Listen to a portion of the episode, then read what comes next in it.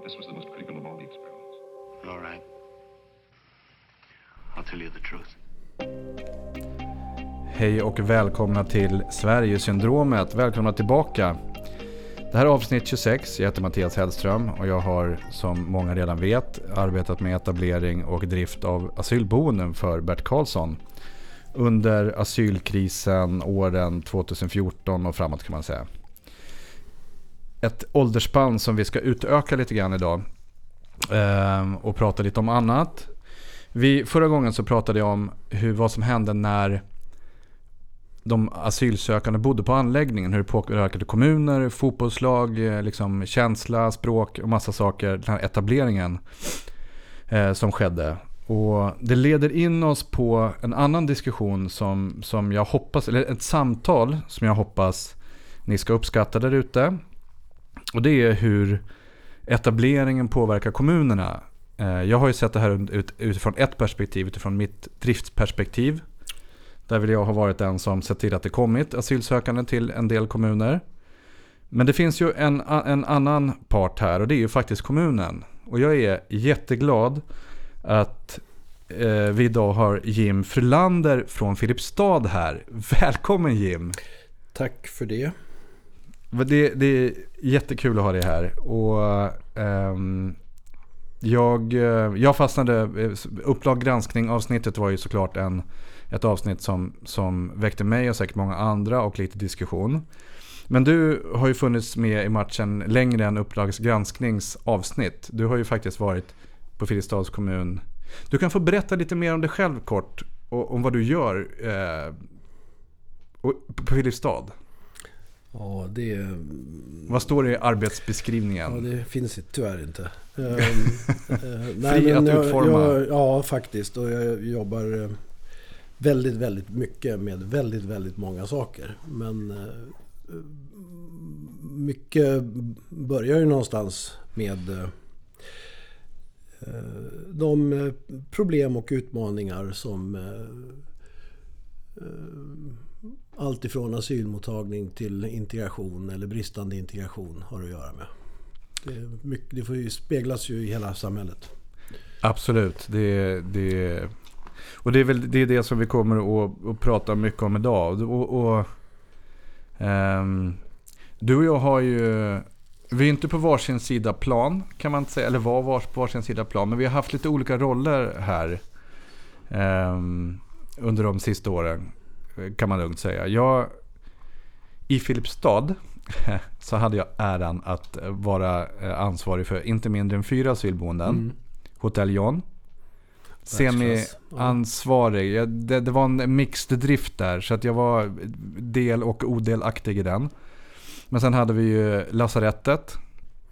Ett och två. Eh, ett och två. Det andra var ju spahuset formellt från vår sida då. Lasarettet var ganska stort. Jag tror vi hade säkert 250 sökande där. Det var förtätningar, det gick upp och ner. Men, mm. men man kan säga att det var kroppen i den anläggningen. Spahuset var inte så många, 50, 60, mm, upp och ner.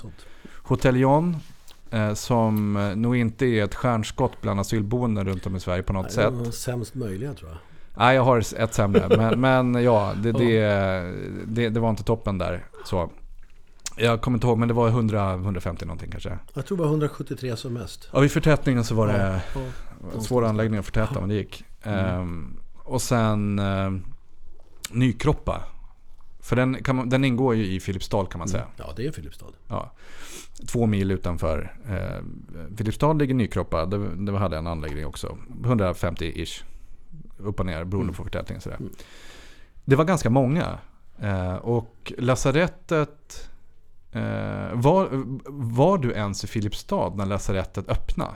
Ja, det var jag. Eh, jag kom ju dit 15 oktober 2013 och de öppnade strax efter det. Ja, precis. Ja. precis. Ja, det stämmer bra. Det var en ram 2. Ja.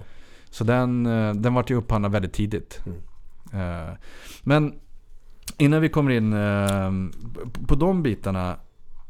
Eh, vi pratade ju för en liten stund sedan innan vi slog på mikrofonerna om det här med när var asylkrisen egentligen? Mm. Jag säger ju i programmet nu att det är asylkrisen 2014 och framåt. Och det är ju för att jag började 2014. Mm. Så det är min del. Ja. Men det var ju inte då det började. För du, du får gärna berätta din, vad, hur, vad du tycker här.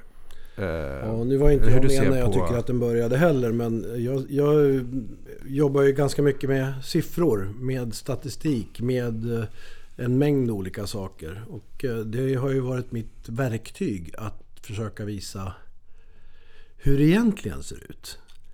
Eh, Det finns väldigt mycket statistik som man faktiskt kan jobba med. Och den stämmer inte alltid överens med eh, vad som kommuniceras från statsmakter via media. Den stämmer inte alltid. Det är inget ljug med statistiken men man kan säga att den är, den är anpassad. Hur menar du då? Ja, man kan ju till exempel det klassiska exemplet att eh, man säger att det går bra nu i Sverige. 50% av de som går i etableringen får jobb under etableringsperioden. Och det är ju inte riktigt sant. För att, eh, Varför är det inte sant? nej, för att det beror ju på hur man räknar och vad man beskriver som ett arbete.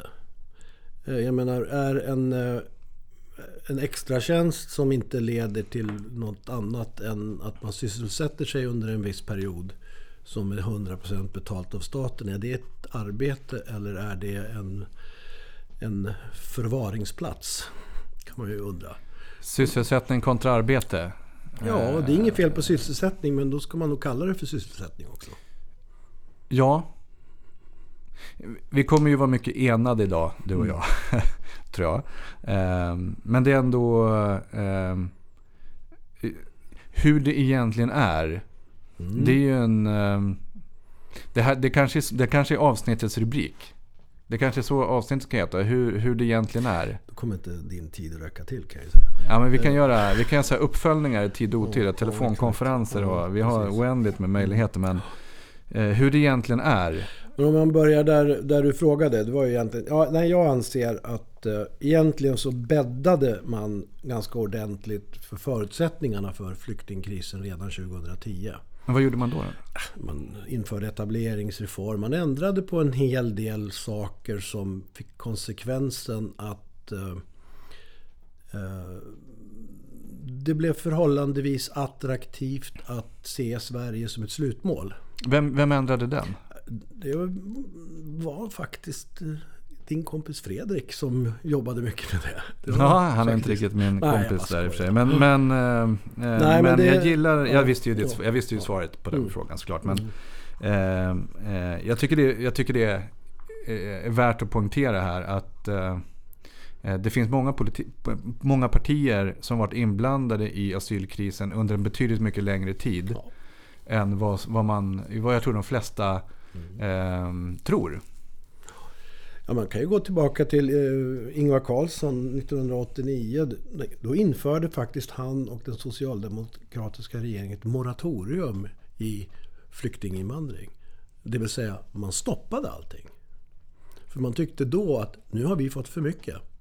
Och det är väl ganska få som känner till De var det. före Sverigedemokraterna med en men restriktiv... Socialdemokraterna har politik, historiskt sett alltid varit väldigt restriktiva och mo- eh, mot invandring överhuvudtaget. Och det har ju flera skäl. Menar, en stark fackföreningsrörelse vill inte ha konkurrens om jobb och såna här saker. Så att, alltså det har ju funnits, funnits olika anledningar till att varför man har haft en förhållandevis strikt invandringspolitik ända från begynnelsen.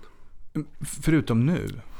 Eller ja, nu, Ja, nu har man ju det. ja, nu säger man, fast man säger ju att man har det nu. Vi kommer tillbaka jag- till hur ja, det egentligen är. jag- Men tycker nog att man också kommer in i ett, ett fait accompli på något sätt. Vad skulle man göra när man lyckades rycka åt sig makten? Det, då hade ju, ja, 2012 började egentligen den här, alltså då började vi tappa greppet. Redan 2012. men, men tog Fredrik, Fredrik Reinfeldt, för de som inte har greppat det. ehm, var han ensam i det här beslutet? Eller var, Nu var det så här, jag var inte i Sverige när det här beslutet poängen är togs. att de var Jag kan- sittande regering kan man Ja, säga. ja, vilket ändå ja, får belasta dem. eh, Liksom. I slutändan så är det ju den sittande regeringen som tar besluten. Men- Speciellt om man har majoritet. Ja, det är helt korrekt. Men, men då kan vi, eh, och jag kommer faktiskt ihåg, eh, det är roligt att du sa det här nu, för när, när du sa det så tänkte jag tillbaka på ett ögonblick som jag hade i en trappuppgång i Stockholm. Eh, på dagen, ska jag tillägga. Då träffade jag en granne som sa så här. Åh, du vet Mattias, jag har hört en sån jävla grej. Du vet, man kan, man kan hyra in containrar och hyra ut dem till Migrationsverket. Man tjänar så jävla mycket deg. Mm. Och jag bara, men du är ju inte klok. Och så gick jag typ till jobbet. Och det hade jag glömt bort fram till eh, när du sa det här nu. Det ögonblicket när jag först mötte på asylbranschen. Kan man säga. Och det var, det var någonstans där. Eh, även fast ramtvåan i, i eh, Filipstad vart det senare. Men ramtvåan är ju ramavtalsupphandling 2. Det har ju alltså funnits något tidigare så. Men förlåt, okej så 2000 eh, tidigare där. Mm. Så med Fredrik, vad, och vad, hur påverkade det siffrorna?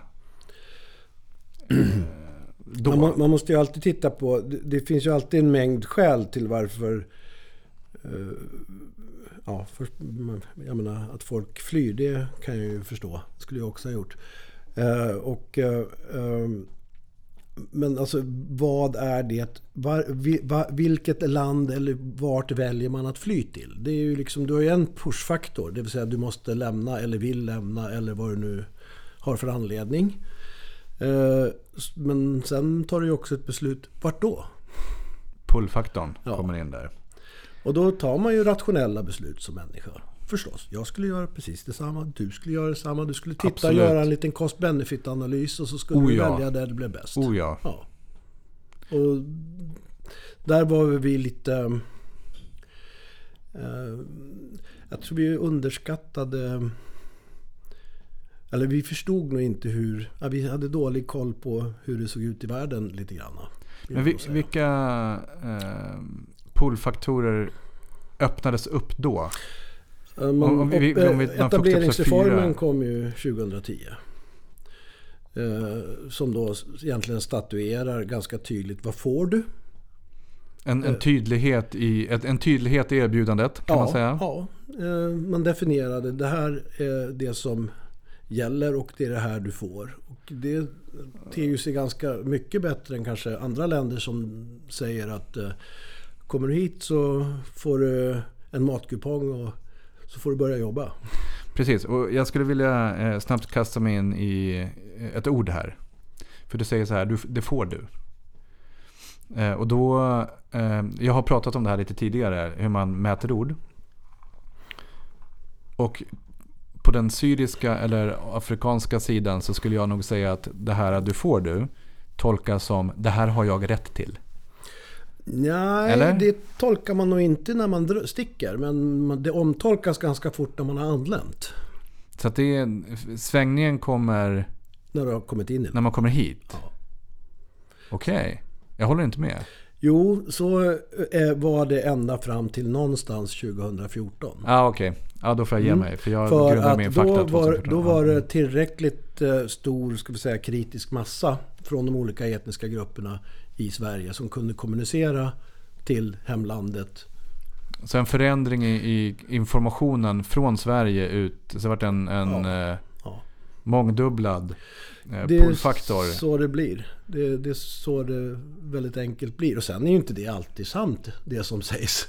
Eller det som, det som förmedlas. Men Nej. det har ju en viss eh, verklighetsbakgrund om vi säger så. Det är inte påhittat. Ingen rök utan eld brukar man ju säga. Men, Mm.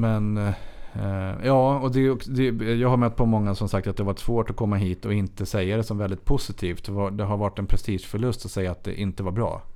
Och så har det ofrivilligt liksom ackumulerat. Eh, liksom, eh, men, men, men ja, det, fast det, ja. det är inte bara det. Utan vi var ju väldigt duktiga väldigt länge. Ja, ända fram till eh, ja, 2016 kan vi väl 15, säga. våren ja, 16 där, ja. Eh, På att eh, rättighetsbeskriva saker. Alltså från vår sida. Ja, från svensk sida. Vi, Var någonstans? Här eller på utländska Nej, här, ambassader? här i Sverige eller? för de människorna som kom och var här. Och, Så- och vi är liksom myndigheter? Ja, i- svenskt i samhälle. huvudsak. Ja. Men även, Myndigheter? men även eh, dina kompisar i civilsamhället som Ja. bjöd på kaffe och lite sådana där saker och spela fotboll. Mina volontärer som jag pratar varmt Ja. och kallt om ibland. Ja, nej men det, det ja absolut.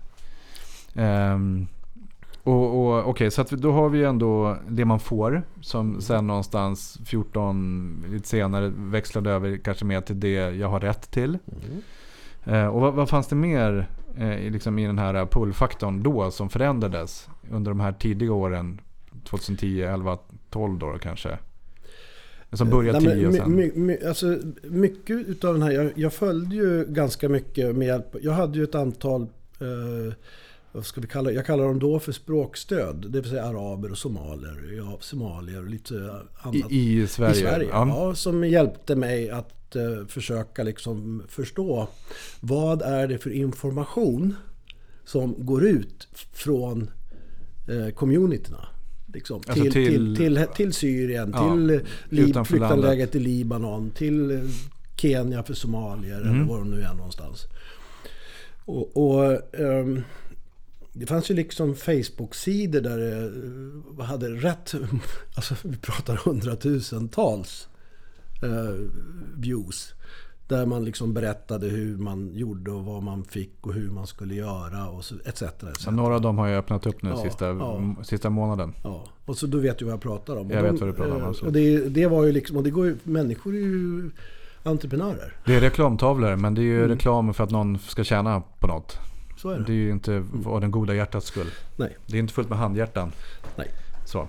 Ehm, Så att den informationen spreds ju blixtsnabbt. Och det såg man ju också i den här, det har ju gjorts lite forskning på det också faktiskt. Att hur gick informationen till smartphonesen? När man var på väg igen, över Balkan till exempel. Liksom, vilk, alltså vilka vägar? Hur, alltså det var ju en enorm kommunikationssuccé kan man säga för smartphonen och internet. oh ja, Mm. det, det, det var ju... um, Pratar vi nu om, om eh, när rutterna ändrades dagligen? Ja, när man styrde ja, om ja, rutter mellan pass och eh, gränsövergångar? Ja, och vilken, vilken båt man skulle ta och vilken man inte skulle ta. Vilket klockslag. Alltså alla de här sakerna. Och det här... ehm, jag har inte pratat mycket om det här tidigare men jag tycker det är kul att du tar upp det. Därför att jag har känt att jag inte haft en bra källa att diskutera det här med. eh, Förutom alla asylsökande som Mm. jag har gett mig informationen. Mm. Men, men de är svåra att så här källhänvisa till. Och det ehm, man, man pratar ju ofta om de här flyktingvägarna då. Eh, och då ska, kan vi, eh, var det, var det någon typ av pullfaktor ehm, 2010? Att det öppnades upp möjligheter? Alltså började... Ja, alltså vi, vi, for, vi formulerade erbjudandet då, vill jag säga. Så att folk kunde börja skapa vägar? Jag började rekryteringssidan, så att skapa sanna eller osanna verklighetsuppfattningar hur, hur livet tedde sig i landet Sverige till exempel, eller Tyskland som också hade samma sak egentligen. Också de två, de två länderna som tog de största Ja, smällarna eh, relativt sett då. Ja, Eh, 14, 15, ja eh, våren 16 där. Mm, Ehm, men vi hänger ihop mycket med tyskarna, det, så är det ju faktiskt. så är det. Eh, det, det kan man inte komma ifrån. Okej, så att 2010 började egentligen flyktingkrisen och det är lite roligt i så fall. Eller roligt, det, det, jag tycker att det är intressant att ändå kunna etablera det här nu. För jag har ju samma känsla även fast min kunskap ligger efter 14. Så, och, och när det kommer till Filipstad då som, som eh, då tog första smällarna då. Eller kommunerna måste ha tagit de, de första smällarna redan då. Vad, såg Ja, det, man det nej, här? inte 10, det var 20, 2012. Alltså för att det hände också något annat 2010. Och Mm. det var den här, vad ska vi kalla den, den fria etableringsrätten om man säger så. Att man fick ju flytta var man ville. Alltså, EBO... Ja, precis. Var det EBO-lagen eller var det en för, tidig e- Vi version? kallar det för EBO-lagen så kanske alla förstår. Men då fick man ju då fick man ju bosätta sig där man fann det gott att vara. Innan så hade det ju varit så att Migrationsverket hade egentligen ungefär samma princip som kom 1 januari 2016. Fördelat ut. Jämn fördelning i hela landet efter Ja, parametrar och men det, var tillgång inget, till men det var lägenheter. inget tvång. Utan det gjorde man avtal med kommun. Om man gjorde ett avtal, okej är ni beredda att ta emot 73 stycken så gjorde man ett avtal på det. Och så visste kommunen vad dealet var. Och så var det 73 som kom. Och då var det stopp där. Ja. Ja. Åsele hade ju också en väldigt hög mottagning för övrigt. Även innan asyltiden. det är det, du pratar om nu. Ja, precis. Eh. Och 2012 började ju, när jag tittar tillbaka på siffrorna, för det var ju inte jag i Filipstad. Ja. Men då ser jag att det är där det är där det på något sätt eh, vänder väldigt tydligt. För då ser man att ja, men alla som kommer hit, nu säger jag alla, för alla gör ju inte det förstås, men väldigt, allra flesta som, Kro- har- som, kropp, som bor, kroppen av de Ja, som de allra flesta som kommer hit på ett asylboende. som du har etablerat. Ja, ja. Mm. Då kunde man ju visa väldigt snabbt att 75% av de som bodde på ett asylboende i en kommun valde att flytta till grannkommunen eller den kommunen som asylboendet var i. De rörde sig inte längre. Utan Man höll sig på sin nya hemmaplan. man höll sig på sin nya hemmaplan och det hade ju också sin grund i att asylprocessen drog ut på tiden. Men det, vi är fortfarande tillbaka innan 14 Ja, eller ja, så. ja. F- Och då, eh, för att förtydliga vilken typ av asylboenden som fanns då. Det var ju inte, eh, det fanns ju inte så många ABT-er Jag vet inte vad det är. då. Och det är den formen, den här privatupphandlade boendena Ja, det, som fanns jag ett, drivit. det fanns ett antal men Migrationsverket styrde de allra flesta om vi säger Ja, så. de hade ABK, alltså Migrationsverkets egna Ja, anläggningar. Eh, Så. Men det, det pratades ju inte, jag, jag har läst, försökt hitta artiklar från de här åren. Det, det finns inte så mycket att hämta. Gör det. Men det var ingen grej. Eh, liksom. Nej, nej men alltså publikt. de, Nej för det var ju heller inte sådär väldans många och det som, de som det berörde var landsbygdskommuner. För det är ganska intressant när man tittar på statistik. Så ser man så här från 1975 till 2010, en ganska lång period. Ja. Eh, Då kom det i runda slängar 650 000 till Sverige under den perioden. Eh, Blandat, inte bara... Alltså Total, eh, total migration. migration. Ja. Inklusive studenter och professorer och arbetare. ja, och utan buttan, somalier och ja, afghaner. Ja. Eh, Men, och, och 90% av dem hamnade i de 40 största kommunerna. Vi pratar Örebro, vi pratar Mm. Stockholm, alltså sådär. Av en slump så har alla dessa 40 kommuner, det är där som eh, vi har problemområden idag. De kommunerna. Ja, du, Ja, men- tog upp det i Mm, din och- debattartikel va? Ja, och, eh, men från 2010 när människor började stanna kvar där asylboendena var. eh, Så, eh, fram till 2016 så kom det ganska precis lika många som under hela den här långa perioden innan. Men i de mindre kommunerna? Och 90% av dem hamnade på de, i de mindre kommunerna. Okej. Och då är vi ju... Eh, den naturliga frågan är, är ju då liksom... Okej, jag, jag skulle kunna dra på i vilken vinkel som helst på det här. Eh, jag skulle kunna säga att okej, då har vi liksom ett nytt Rosengård i varenda liten kommun snart. Jag- Som någon typ av, av eh, ytterlighet här. Mm. Och sen så har vi så här, eh, alla blev bönder på vänsterflanken här. Eh, Typ i något så balanserat samhälle. Mm. Eh, och och ehm, vad tar det här oss då? då? Ja, det, det är på något sätt... Det, jag skrev ju en debattartikel i Svenska Dagbladet här om veckan. Precis, vi ska, jag ska länka in den vid det här klippet så att Mm. ni kan läsa den. Ehm, Och där också. ställer jag ju egentligen frågan att eh, jag lyfter faktiskt upp det här problemet. Vad kommer att hända på, hos landsbygdskommunerna om tio år? Det är det vi på något sätt, det beslut vi tar idag kommer att avgöra det. I kontrast till den här långa Ja, då- perioden när samma period kom. Ja, precis. har, Och kan man då anta att om vi fortsätter att göra precis samma sak, precis samma insats som vi gjorde innan, kan man då anta att eh, vi kommer att få din vänsterflank där, där Rosengård låg? Eller, vad, är, vad ligger i liksom eh, farans riktning? Jo, det är ju precis det det är. För vi fortsätter ju göra precis samma sak som vi har gjort innan. sen, Ja, nu är jag gammal så att, men... Sen eh, vet jag, jobbade med eh, flyktingar redan eh, med bosnierna. Ja.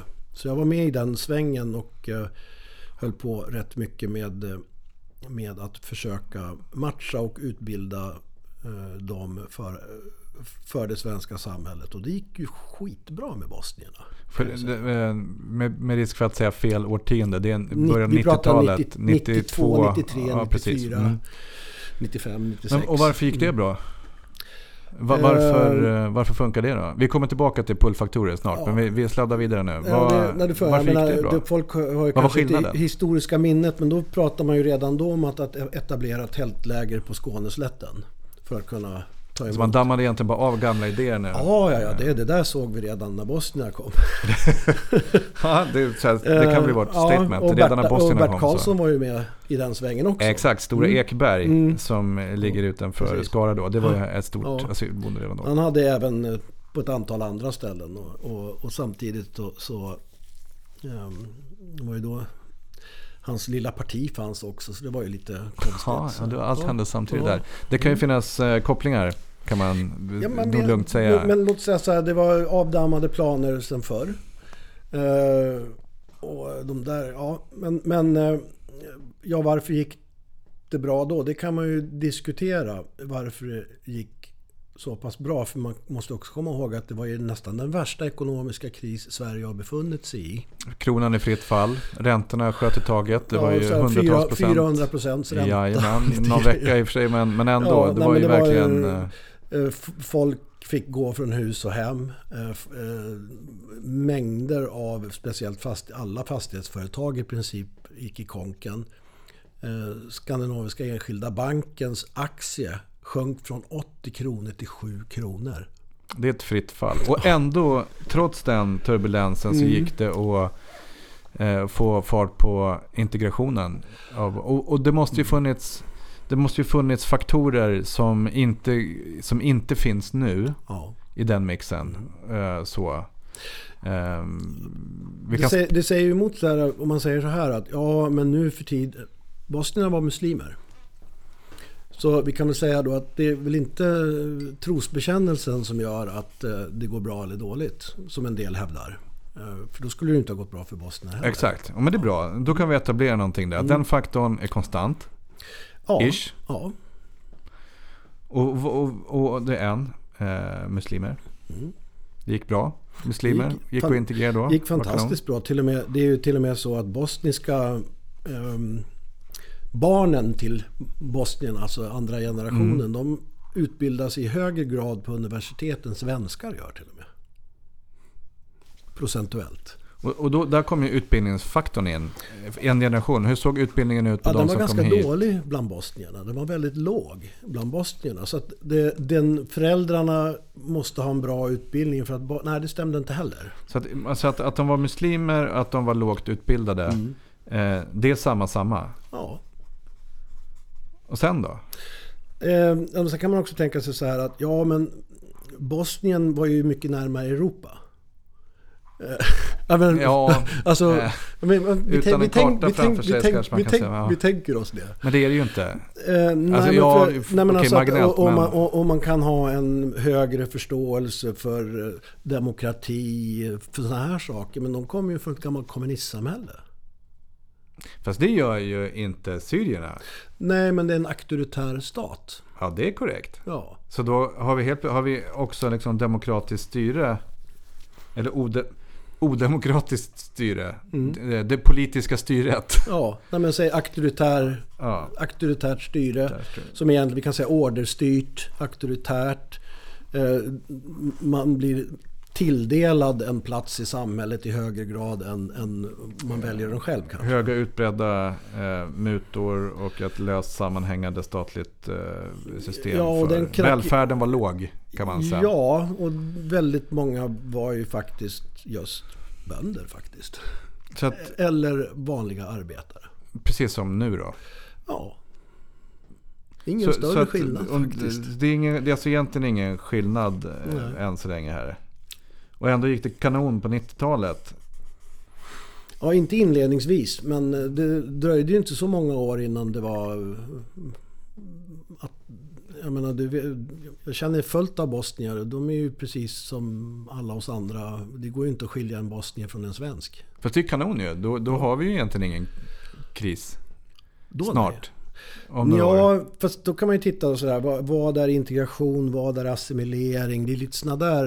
Nu börjar man ju liksom eh, famla i, i, i svårigheter. För att svensk politik och svenska insatser har alltid syftat mot assimilering. Fast vi kallar det för integration.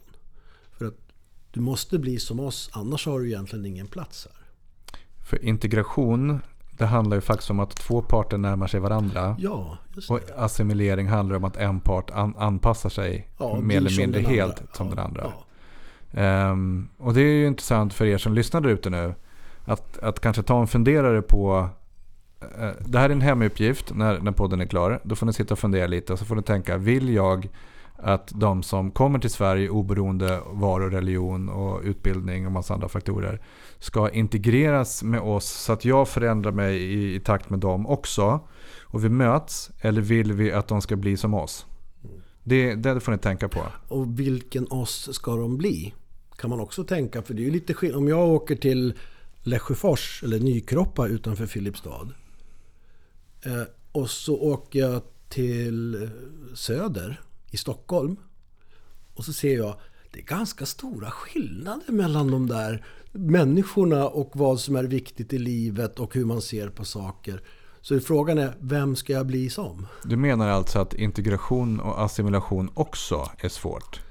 Det är jättesvårt för vem ska jag integrera? Vem ska jag liksom bli som? Ska jag bli som eh, Dubbelperra och Janne på bänken? jag tror jag vill träffa Dubbelperra. Jag tycker han låter en skön. Ja, han sitter utanför stadsbiblioteket i, i Filipstad på vänstra bänken. det heter dubbelperra. Ja, det är nästa gång i Filipstad ska ja, jag leta reda på. Då går vi och morsar på honom. Vi morsar på honom. Mm. Eh, men, men, men, trots allt då, eh, ja men, och det är klart att integration, att integration är svårt. Och assimilation är också svårt. Och det är ännu svårare om integrationen inte är samma. Och speciellt som det är också ett rörligt mål. För vi förändras ju väldigt fort i det här landet. Alltså vad vi tycker och vad vi tror, vad vi tycker är viktigt och hur man nu ska vara. Det, det går ju på en kafferast så har ju det ändrats. Egentligen. Ja, framförallt om man ska pr prata liksom the game of värderingar. För då, då, då hinner man ju knappt med vad, vilken värdering man ska ha. Just då som är eh, PK? Då, ja, exakt. Mm. Uh, och, och jag, har, jag har gjort en notis här om, om taket. Vi, vi ska komma tillbaka till det. Men, men om vi hade våra pullfaktorer liksom, tidigare då.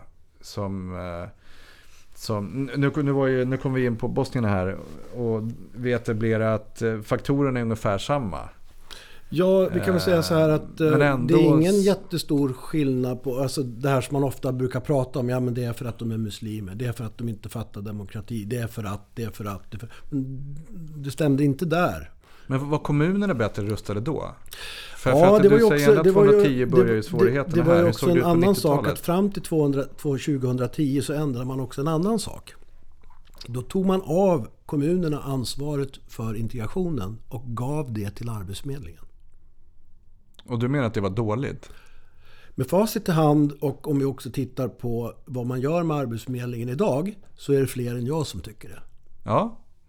Alltså jag är ju inte så hård som jag säger. Jag säger så här, klart. Det, det. Eh, nej men eh, det är ju jätteintressant. Därför att eh, eh, eh om, om kommunerna hade ansvaret och det gick bra då och kommunerna inte har ansvaret nu och det går dåligt nu. Då, det, då känns det som det är viktigt att låta kommunerna få tillbaka sitt ansvar. Ja, och det är det men är man rustad för det, det, det är ju det nästan alla kommuner, inte alla men bra nog så nära säger. Kan inte vi få ta över Arbetsförmedlingen? Kan inte vi få ansvaret för integrationen? För att vi tror att vi klarar det uppdraget bättre än Arbetsförmedlingen. Okej, okay, så att Ehm, eh, för mig som, det här var nytt för mig det jag ser nu. Mm. Och jag, nu kanske jag skjuter lite bredvid målet. Men så, eh, hör jag rätt i att kommunerna har velat att man ska lägga ner Arbetsförmedlingen? Nej, så, det, att, nu, nu jag, så, att, man mm. kan välja själv lokalt hur man ska få arbeta med den? Nej, men... Eller är man, det en nej, annan process? Det där är nog, eh, ska vi säga, ojämna processer. En, en del, jag menar... Jag vet att en del kommuner, sammanlagt ett 20-tal, någonstans redan 2016 sa och lämnade in faktiskt en, eh, ett yrkande till, till regering. Att, och sa att kan inte vi få ta över Arbetsförmedlingens uppdrag? Så det är, nu är det långt innan Arbetsförmedlingen monteras ner. Just på grund av att de tyckte inte att Arbetsförmedlingen riktigt hanterade etableringsuppdraget man var inte nöjd med effekten? Man var inte alls eh, nöjd. Helt, helt ja, Hylte kommun var en sån kommun. De, det var rätt många kommuner som var, med där. För nu, nu, jag tycker mig läsa in att, man inte, att det, det bara blir svårt när Arbetsförmedlingen nu lägger ner kon, kontor avvecklas? Eller alltså är det, det där, någonting som man på kommunnivå ändå är laddat nej, för att ta över? Eller? Alltså grejen är vi kommer ju inte få göra det. Uh, för nu har man då en uh, en regering som eh, där Centerpartiet i väldigt stor del dikterar hur det ska vara. Och där har man ju en eh, Macron-syn på Frankrikes eh, president. För de som, För de som inte har koll på det. Syn på hur, med en fantastisk övertro på det privata näringslivets förmåga att lösa problem. Till exempel Bert Karlsson och flyktingförläggningar som du vet. Ja. Eh, eh, eller eh, de här så kallade privata aktörerna som gör geschäft och räntesnurror på offentliga medel. De så kallade matchningsföretagen. Som väldigt många också var lotsföretag. Ja, 2013, 14 och mm. in i 15 där. Då var man ju uppvaktad hela tiden av sådana som ville komma åt eh, de boende på anläggningarna. För pengen ja. De fick man, ju, man fick ju mota ut dem med en pinne dagligen ja, från anläggningen. Ja. Här får det inte vara.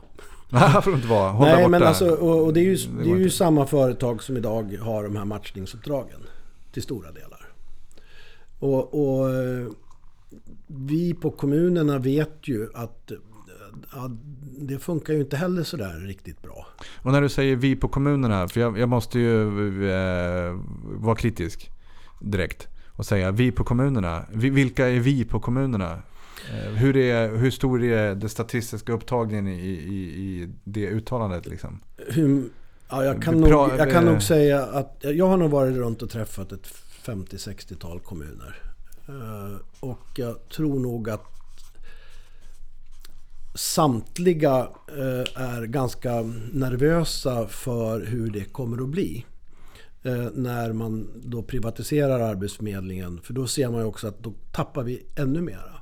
Men man får inte hämta hem uppdraget själv? Nej, inte som det är lagt nu. Så att det blir nu. boll i luften ja, någonstans ja, där? precis. Utan vi tycker så här, ja, men låt kommunerna lägga in anbud också då. Om det nu är så. För att... Eh, får ni inte det då? Nej, det ska vara privata företag som ska sköta det. Och,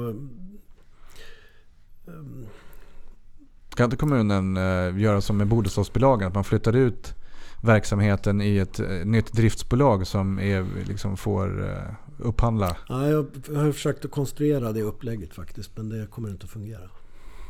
Ja, vi får se. Bert kanske lyssnar på det här. Vi får se om han kommer med en bra ja, idé imorgon. säkert gör han det. Jag tror inte han lyssnar på det här. Men i alla fall. Ja. Nej, men det, det, blir ett, det blir problematiskt i aspekten, för nu pratar jag landsbygdskommuner. Eh, eh, och mindre kommuner. Där lägger man ju då till stora delar helt eller nästan helt ner Arbetsförmedling. Och det betyder ju ytterligare en minskad statlig närvaro i kommunerna. Jag menar man har tagit bort Försäkringskassan, man har tagit bort... Men man öppnade upp eh, servicekontor har jag sett. Ja, man planerar ja. att öppna upp servicekontor. vad, vad ska de göra egentligen? Är inte det Socialdemokraternas service? Eller statliga servicekontor? Kalla det, jag brukar kalla det för Tofta-kontor. Tofta är ett bra ryskt ord som betyder låtsasarbete.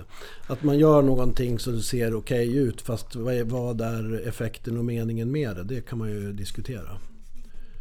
Jag borde kunnat Tofta. Mm. Faktiskt. Jag skäms över att jag inte gjorde det. Mm. Det ska bli mitt ledord framöver.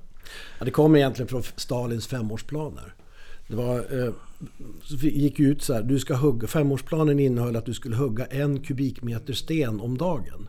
Men om du högg ja, men, en hel dagsrans, årsranson på en dag, då kunde du gå hem? Nej, nej, nej, en om dagen det var planen. Och det var faktiskt omöjligt att göra på en person. Så då gjorde man så att man byggde liksom en ihålig kubikmeter av sten.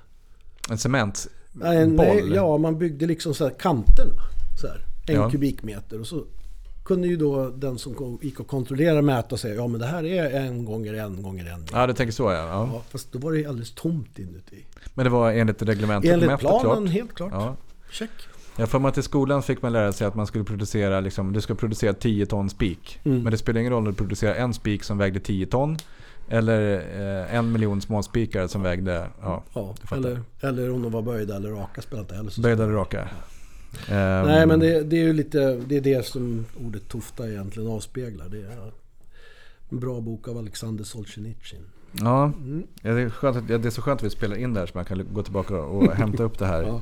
Eh, så. Min fru är född i Ryssland förut så jag, Mm. jag borde hämta hem det ryska lite mer. Mm. Kan man tycka. Eh, men, men hur kopplar vi det här då tillbaka till eh, pullfaktorn 2010? Eh, som sen ledde in i det som vi...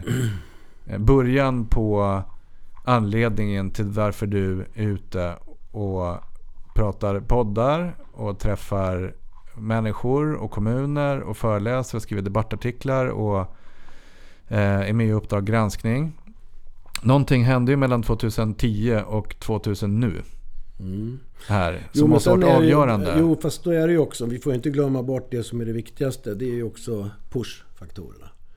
Jag menar, ett antal människor ser en anledning till att gräset, gräset är grönare på andra sidan ån. Men de flyr ju från krig.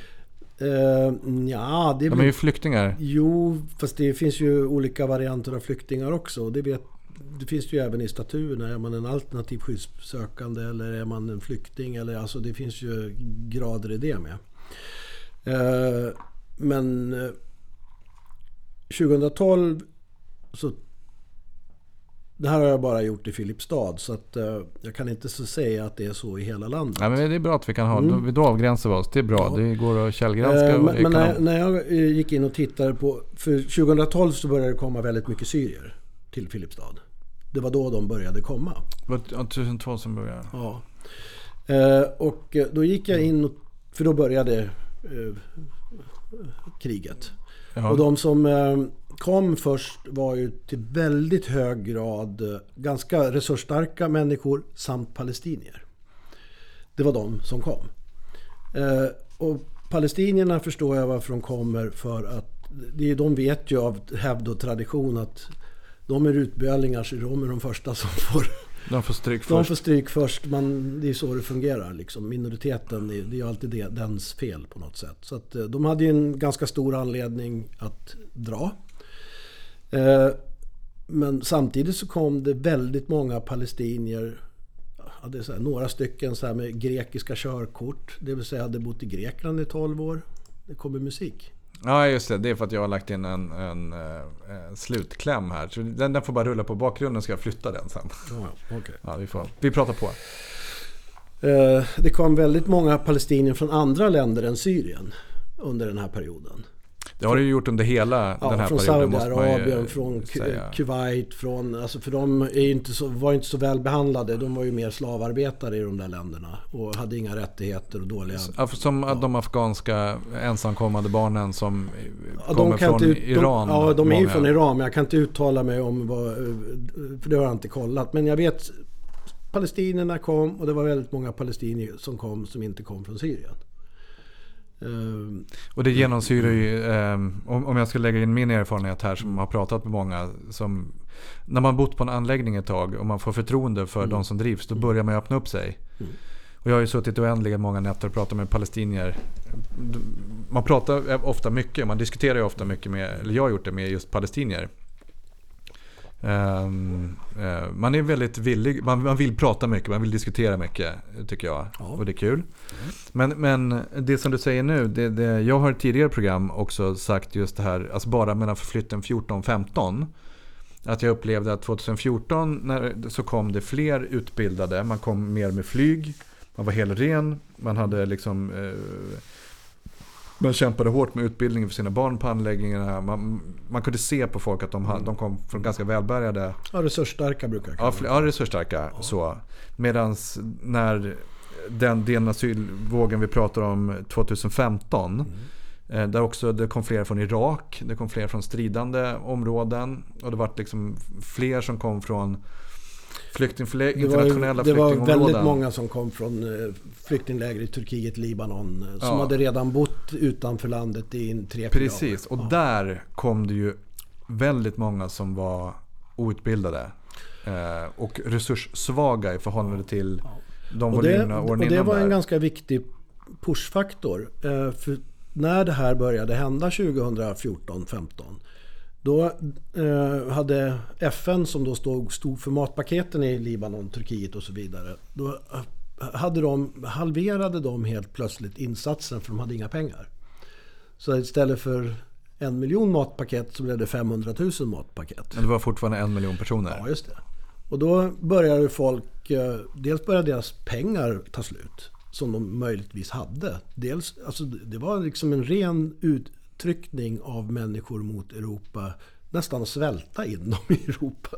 För att det var, jag var i flyktingläger i, i, eh, i Jordanien och i Libanon under, under 2014 och såg folk hade det för jävligt alltså. Alltså det är ju kast att bo på ett flyktingläger. Ja, och, och det är ännu kastare om man dessutom men, svälter. Ja, det, svält är ju otroligt dåligt. Mm. Och det, eh, med all respekt för att vi faktiskt pratar om människoliv här så är det ju, ser det ut så fortfarande. Ja.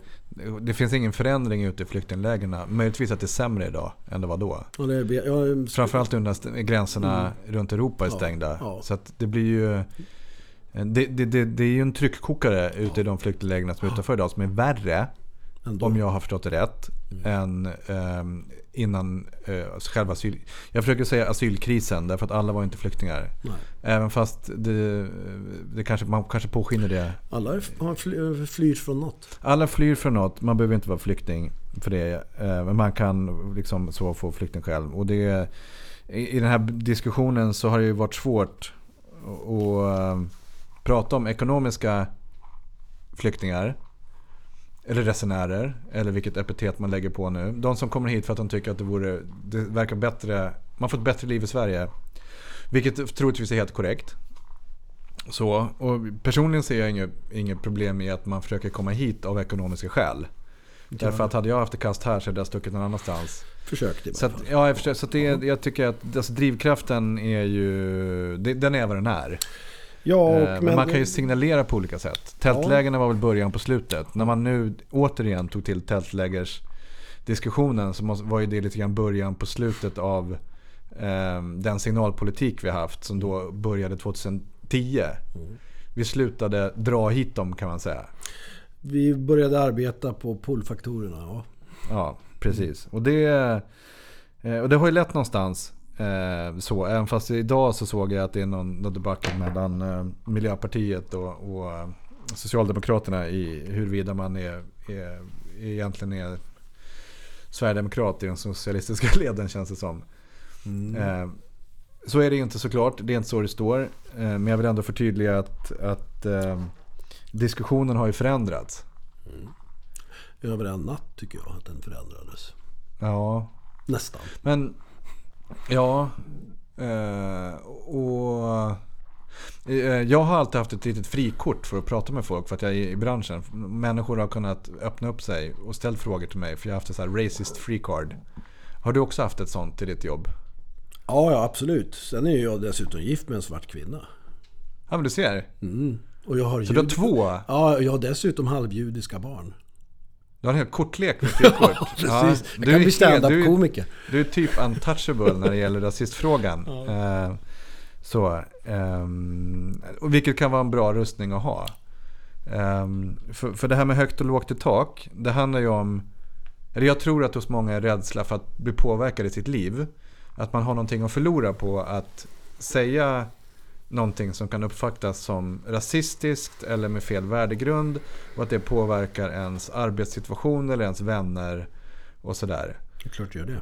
Men, men hur har, det, har, det, har, det, har dina diskussioner påverkat din vänkrets? Har du blivit exkluderad för att du eh, säger det du säger på det sättet du säger?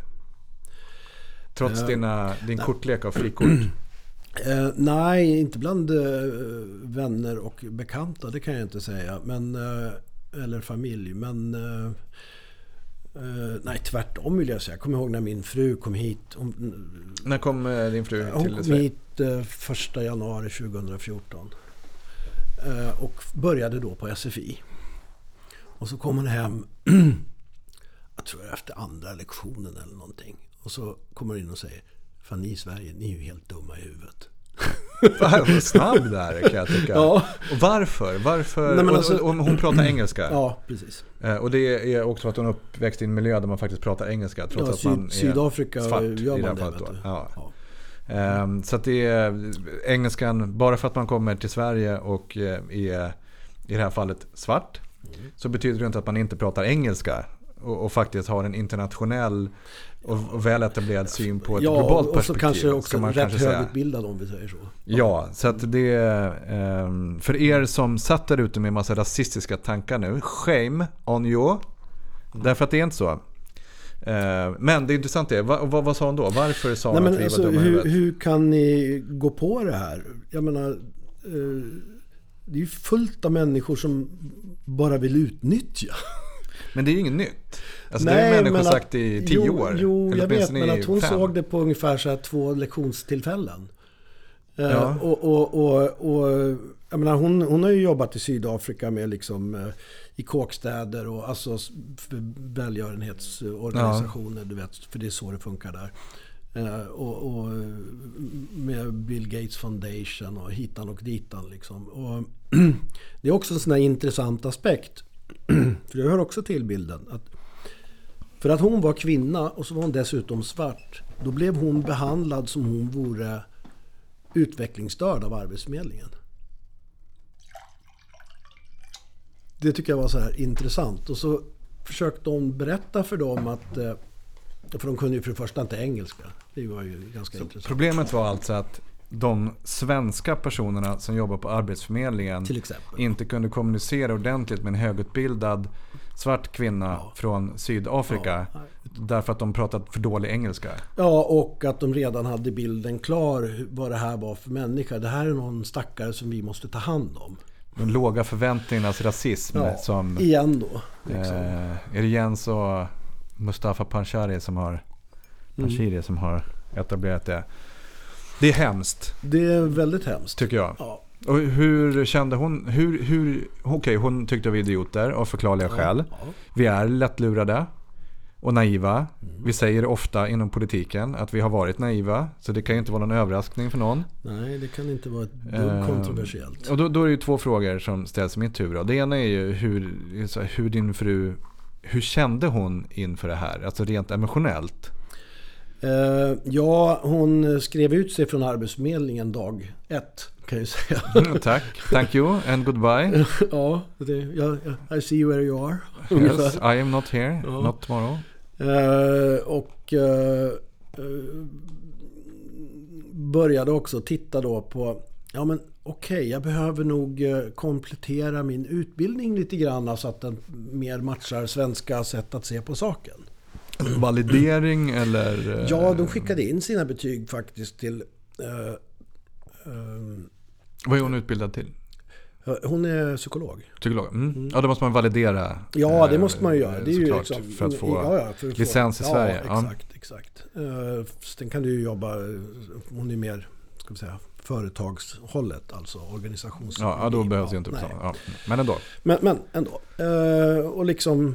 eh, då skulle hon skicka då in då för hon skulle söka en kompletterande kurs bara så här på fem eller sju och en halv poäng. För att man måste ju ha sån här Socialstyrelsens regelverk sju och en halv poäng. Ja, men de här eh, obligatoriska grundplåten ja, lag, kopplat till svensk, ja, ja, precis, det svenska. Lag, ja. lag liksom. Så det är ju strunt. Liksom, det gör man ju på tre veckor ungefär. Det, är- det, är sådär. Men nej, hon, hon kom inte in då på Karlstad universitet som är, är då, eh, ja de är väl inte ens ratade bland topp 100 000 i, eller något sånt där. Ehm, För, varför kom hon inte in där? Nej, för att hennes betyg, eh, alltså eftersom de var utländska, visserligen engelska då. Eh, Ja, rimligt med tanke på att de faktiskt var från Sydafrika. Ja, också de, och, så och universiteten är, ju- kopplade mot liksom. Bör de rimligtvis Och sen har de de engelska kopplingarna mot Oxford och Cambridge för det och sådär. För det är så universiteten funkar i De är ju kopplade mot Ja, ja, ja, de, men de har ju värde. Ja, men exakt. Ja, så här, och det Sen är- fakulteter sitter ja, ihop med andra och, och, universitet. och, och rätt, Mm. eh, egentligen rätt tunga betyg om man säger så. så här. Ur ett Typ internationellt- ur ett svenskt perspektiv så är det ju Oxford, eh, väldigt topp- tungt. Topp ett i världen liksom. Och Karlstad universitet topp en miljon med lite god vilja. Eh, eh, så säger de nej men vi kan, inte, vi kan inte ge de här poängen för de har inte, ni har ju inte läst den här boken av någon eh, docent på Karlstad universitet som ingick i kurslitteraturen. Som i ett internationellt perspektiv. Som, är, som kanske har publicerat noll vetenskapliga artiklar. Liksom.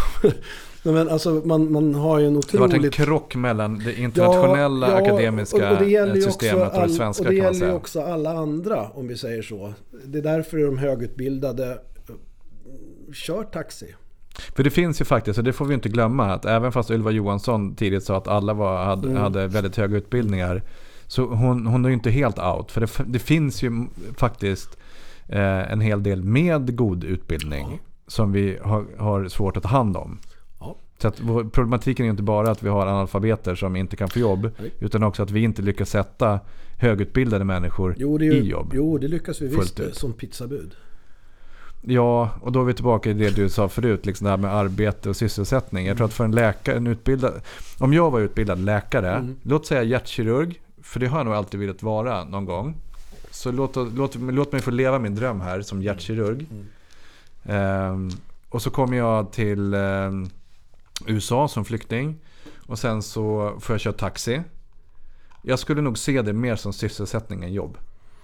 Ut, utifrån mitt eget perspektiv. Nog för att jag skulle tjäna mina egna pengar men Mm. eh, för en människa som har utbildat sig har en dröm och en vision och en passion.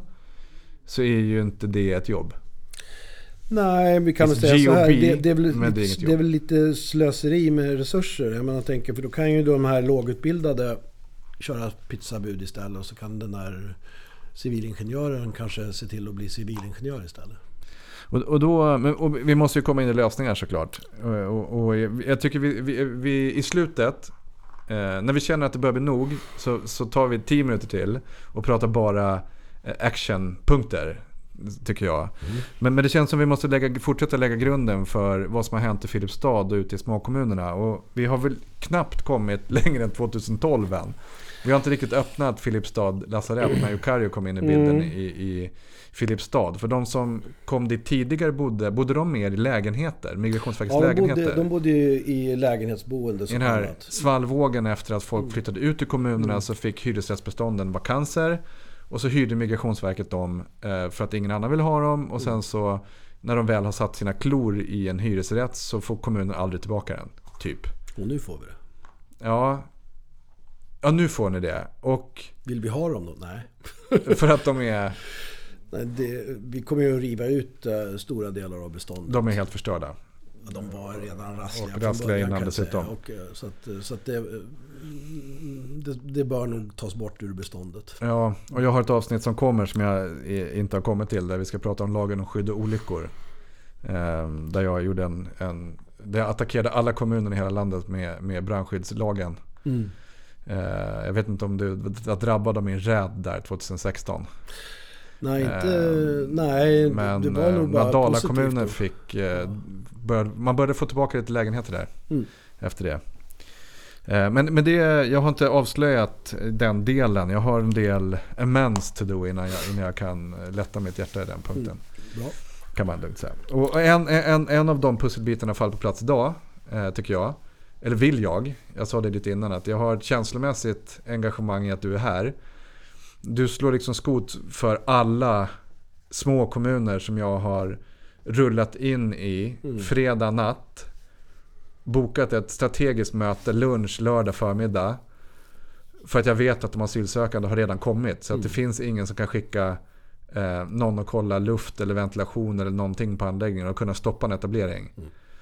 Ehm, som jag, jag, jag sa det innan vi startade, jag, någonstans är, är jag ju liksom nöjd över att jag har e- effektivt utfört mitt arbete i att etablera asylboenden. Men någonstans så finns det ju också ett, vad, jo- gjorde jag verkligen, jag kanske har gjort en del ur, ur, det svenska perspektivet och landsbygdsperspektivet och kommunperspektivet dåliga saker. Eh, det finns säkert många som är så här sjukt trötta på mig ute i landet. Så att det, Det, är- det, är jag, som, jag, det, det är som det här är en del- process det, det för mig som, att Det är få... som en del eh, andra sa i Nürnberg också. Så här, only obey order. What? Ja, Ja, så att jag, jag, jag, jag vet inte om jag kommer så här be om ursäkt i slutet av det här programmet. Jag vet inte om jag, det är det jag vill riktigt. Men jag känner att det är skönt att få vara lite känslomässig och säga att det var... Jag har lite dåligt, jag har ett, ändå ett dåligt samvete någonstans runt, eh, runt vad jag har eh, gjort de sista åren. Jag har ett bra samvete i att jag har gjort massa bra också. Men det här gnager mig lite. Och det, det, och det är därför jag tycker det är kul det här. För att 2012, 2013 när eh, lasarettet startade, då, då jobbade inte jag på Ucargo. Men det var, det, var den första, det var den största anläggningen vi hade. Och det var det första anläggningsboendet i Filipstad. Tror jag. Det var inte jag, andra... törs inte, jag, jag, kommer inte, jag, jag tror nog att det var det faktiskt. Det var väl inga andra som hade Filipstad än vi? Det kom ju så ett gäng sen. liksom. Ja, men de var mindre. Ja, men det kom, alltså, jag tror nog Bertan var först faktiskt. Ja, Jag tror det. och det var, ganska, det var en bra anläggning, just lasarettet. Det är ett gammalt lasarett, så bra rum, betong, svårt att ha sönder. Och, Ja. ja, det brann ju i och för sig en helt plan där vid något tillfälle. Ja, Men, det gjorde det. men det var ganska stort och det, det, ligger, också, det ligger också väldigt stadsnära. Ehm, man kan väl lugnt säga att gatubilden, som man inte fick prata om för eh, någon månad sedan eller två, tre kanske, Så. Förändrades ehm, rimligtvis, eller började förändras då, kan jag tänka mig. Ehm, när jag kom in 2015 i Filipstad, då hade vi ju alla de här anläggningarna i drift. Då var ju gatubilden Ja, väl... som eh, ett asylboende på gatan. För alla var, allting låg ju centralt. De tre stora asylboendena Mm. låg ju mitt i centrum kan man säga. Några ja, hundra meter ja, liksom. det, det var många i, i centralt och det var ju också mycket folk i förhållande till befolkningen om vi säger så. Eh, Det var väl 1500 på dina asylboenden och några till. Hur, hur såg ni på kommunen, alltså in, in, inifrån kommunen, hur såg ni på de här etableringarna? Vi skrek ju rakt ut. Det, vi vill liksom... det Till vem då? Vem skrek ni till? Migrationsverket, till alla. Jag menar, Migrationsverket var ju så... För de ville ju att vi skulle etablera Vi, så de gör vi, ingen vi hjälp kallade ju till möte med Migrationsverket tror jag nio gånger. Och de kom inte på ett enda möte. Är det så? Ja, Är vi 2013, 14? ja vi, vi, vi är framme i 14, 15. 15, ja. Eh, 14 kom de fortfarande på möten men sen ställde de in det och så beslutade de sig också att lägga ner sitt kontor i Filipstad när det var som värst. För att det var ju för, det var ju för jobbigt att ha det öppet. Ja, ju det är inte bra. folk. Det är inte bra. Det, ja, det nu är det för många som handlar mjölk. Nu stänger vi mjölkkylen. Ja, ni får åka någon annanstans och handla mjölk. Och så fick de åka en bit och så var det problem i busstrafiken Ja, och sen så ja, var det precis. knöligt. Så, då, okej, så de, eh, de dök helt enkelt inte upp. Nej. Vilket jag förstår Ja, från för deras det- sida. Men, Ja, men, fast de är ju eh, ändå en statlig myndighet som är satt att förvalta någonting och vara den som kommunicerar med kommunerna. Så man kan ju tycka att man kan komma på ett möte i alla fall. Ja, det är korrekt. Eh, och det var inte det perspektivet jag nog sa eh, att ja, det inte förvånade mig. eh, så. Men min känsla i den här perioden var ju att man kanske inte riktigt... Jag tror inte man hann vara ajour med kommunerna. Och jag tror inte man...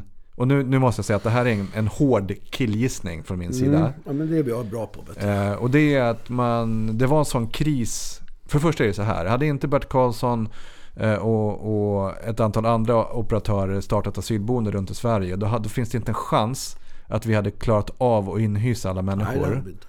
Så att det finns något positivt i det. Det hade gått käpprätt åt skogen annars. Ja, men, Men- människorna var ju här ändå. Människorna var ju här ändå, Mm. så att det var inte där problemet låg. Eh, Och, och Bert hade eh, liksom, i en sån massa att han kunde liksom också så snabbt göra det här. Migrationsverket vände sig till oss också Mm. såklart för att, för att eh, vi hade en stor möjlig expansion. Mm. Men i gengäld hade de kommit till er som kommun, om de hade lyft luren och följt sitt uppdrag och kommunicerat med kommunen, jobbat i samverkan med kommunen. Mm. Då hade de inte kunnat fyllt sitt uppdrag att faktiskt puffa ut alla människor på anläggningar. Det hade Så att det är ju, en, det är ju en väldigt, väldigt svår situation för alla parter utom egentligen min part. Ja, ja. Ni, Alltså, så är det. om- ja, så nej, är det det, det är en jättesvår, det är, det är ett jättesvårt dilemma. Liksom. Och, och, ehm, men i slutändan så är det ju liksom det på något sätt vi som kommun och även andra kommuner på något sätt så här drar slutsatsen. Jaha, och så sitter vi med Svarte Petter. För att eh, det började ju redan med... Bokstavligen Ja, då. ja. Pun intended för övrigt. Ja, jag menar bara en sån sak så här att ja, helt plötsligt så jag tror det var januari 2016 när skolorna skulle börja så skulle vi liksom så här oj, nu har vi 300 nya barn. Just det, för de kom i slutet av höstterminen. Så vi Ja. var tvungna att ställa om. Jag pratade lite om det här i förra avsnittet. Det här hur, eh, och tidigt också. Mm. Just hur, vilken kalabalik det blir när man måste skaffa skolor till alla. Ja, Som sen måste avvecklas när alla flyttar. så är det. Och det eh, har vi ju svallvågor av än idag i vår kommunala budget med eh, felaktiga kostymer i skolväsendet. För ni fick ju en riktig kroppstackling in hösten 15, våren 16. Mm. Ja. Och sen som grädde på moset så får ni en ryggtackling på vägen ut. Mm. Eh, så ni fick ett problem då och ni får problem nu. Av samma anledning. Ja. Det är som en, Det är det är en rikoschett Ja. som kommer farande här. det, det avspeglas ju i den kommunala budgeten eh, de närmaste tre åren när vi nu måste spara i storleksordningen 50 millar.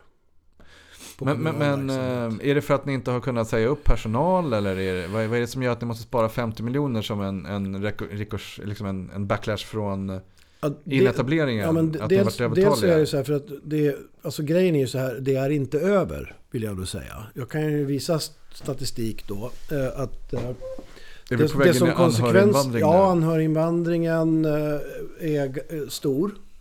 Eh, Sociala dumpingen från rika storstadskommunen kommuner är Och stor. du betar av så här punkter som jag tänkte ta upp. Ehm, eh, låt oss kasta oss in i det. Mm. Vi har tre punkter. Men vill bara säga så här. Vi är alltså fler elever med utomeuropeisk härkomst nu än någonsin. I I, Filipstad, grund, I Filipstad i grundskolan. i andra kommuner också. Jag kan ju uttala mig väldigt, väldigt säkert om Filipstad. Ja. Eh, Men du har ju varit ute på 50-60 andra Ja, kommuner. Har man- ni diskuterat ja, det här? Ja, absolut. Och grejen är ju så här, då säger ju då staten, nej, nu har den här eleven eller barnet varit i Sverige i fyra år, så nu är den svensk. Men den har, har ingen medborgarskap? Nej. Alltså är inte svensk medborgare? Nej, men den är svensk och behöver då följaktligen inga extra resurser för att till exempel då ta igen förlorad skolgång och lite sådana saker. Fast det behöver de ju. Ja, Och det blir en kostnad för er då som Då ni blir inte det en får kostnad för eh, oss. eh, liksom ersättning ja för. alltså vi får ju inte ersättning för den kostnaden. Kostnaden ligger kvar. Men ersättningen Men försvinner. Lite grann som etableringsersättningen Ja, ersättningen ja, försvinner ja. efter två Mm, år. Ja. Så det, det, det, är också ett stort problem liksom för att svårigheterna, problemen ligger kvar och faktiskt ökar. En, och och eh, eh, kostnadsersättning från staten dras bort helt. Ja, fast nu har ju faktiskt eh, samhällscivilministern Ardalan Shekarabi som inte längre är civilminister, Nej. för han har blivit något annat, Socialminister. socialminister. Är det fortfarande han som har eh, ansvaret? Eller vart det någon ny civilminister? Det blev en ny civilminister. Jag kommer inte ihåg vad så, hon att, heter. så han kunde Jo, men det säga blev massa... hon äh, gamla SKL-tanten. Jaha, ja, ja, ja, som blev medlem Mikko eh, heter i... Ja. Okej, så att eh, han eh, sa massa saker efter hans granskning och sen så packade han sin resväska och bytte spår. Kul för Vi honom. får se. Mm. Eh, men... Eh, och då är, det ju, då är det såklart att det är enkelt att man på riksdagsplanet, eller på riksplanet kan säga att som då Ardalan Shekarabi sa då, eh, vår kära socialdemokrat. Vi måste säkerställa att kommuner som Filipstad får ökade resurser. Boom! Alltså det känns ju jättebra. Ni måste ju vara sjukt taggade. Ja, och så kommer budgeten. Ja! Sänker vi så här. Och så Ja. presenteras det i både media, av, eller politikerna först och sen media återspeglar ju vad politikerna säger. Så säger de så här. Filipstad får 12 miljoner extra. Och så tittar jag på det och så säger jag, nej, vi fick en och en halv miljon extra. För det andra var redan, de bakade ihop någonting som redan fanns och kallade det för något nytt. Eh, Och så la man på en och en halv miljon. Och så la man på en och en halv, en och en halv miljon. Och eh, samtidigt så tar man bort 20. Men det är lättare att säga att man lägger på något än att dra undan något. Ja, exakt. Och jag gick Men- ut i en artikel där jag just eh, hade rubriken faktiskt. Kejsarens nya kläder som du sa. Ja, men är det inte det, och då, då, då, då kommer vi då känner jag att vi kommer tvingat in i, i för det här är ju en skönmålad bild av verkligheten igen. Och det är väldigt politiskt. Men då, då måste vi titta på eh, vilken roll som journalister har i det här. Det, det ju- för det är ju min erfarenhet har ju varit att eh, journalister har varit mer aktivister och man har inte granskat hårt och tungt och vågat riktigt vara saklig. Med vissa undantag. Eh, och vi, jag- jag tycker att journalister eh, har en eh, aktiv roll i att det inte har kommunicerats ut till folket. Det tycker jag. Eh, så. Sen har jag sagt vad jag tycker. Mm. Vad- vad- hur, hur, eh, hur känner, Jag- har du jag- fått jag- stöd jag- eller? Nej, nej men eh, låt, låt oss säga så här. Jag, ehm, det, det lå, låt, när du säger sådär så låter det lite grann som någon sån här alt, alternativ mediasnubbe ungefär. Alternativ Möjligt. sanning.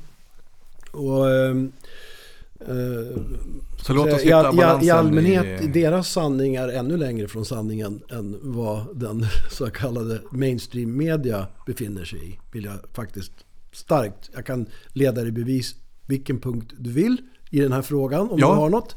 Om, om du har något fakta som jag kan kommentera. Ehm, Men strunt Jag samma. borde haft det Ja, känner jag men- nu när jag ja, fick upplägget. Men vi kanske kan hitta ett gemensamt Säk- fakta och ta som ett exempel om vi eh, hinner. Men, men eh, visst, i allmänt, jag menar, allmänt sett så, så eh, har det nog funnits en liten filterbubbla eh, i journalistkåren i allmänhet. Inte hos alla. Eh, Där man har... Norm- Normalfördelningskurvan igen med sina ytterligheter. Ja. Och, och eh, ja, men det, är ju, det är ju egentligen bara att titta på när vänder Ja, först så var det ju synd om alla när den här kur- kurdiska pojken låg uppspolad på en strand. Om du kommer ihåg det. Det var ju då man kan säga att opinionen, alltså mannen på gatan Ja. och kvinnan på gatan Ja. fick ju Ja, och eh, det, det, där har ju naturligtvis en media en roll hur man speglar det. Jag menar det är lika många barn som är uppspolade på stränderna idag om inte fler. Och det var det också innan ska man tillägga. Ja, eh, eh, och, och, och, och då får man ju den ska vi säga, bilden och i Sverige kan man ungefär ha en tanke i huvudet samtidigt känns det som ibland.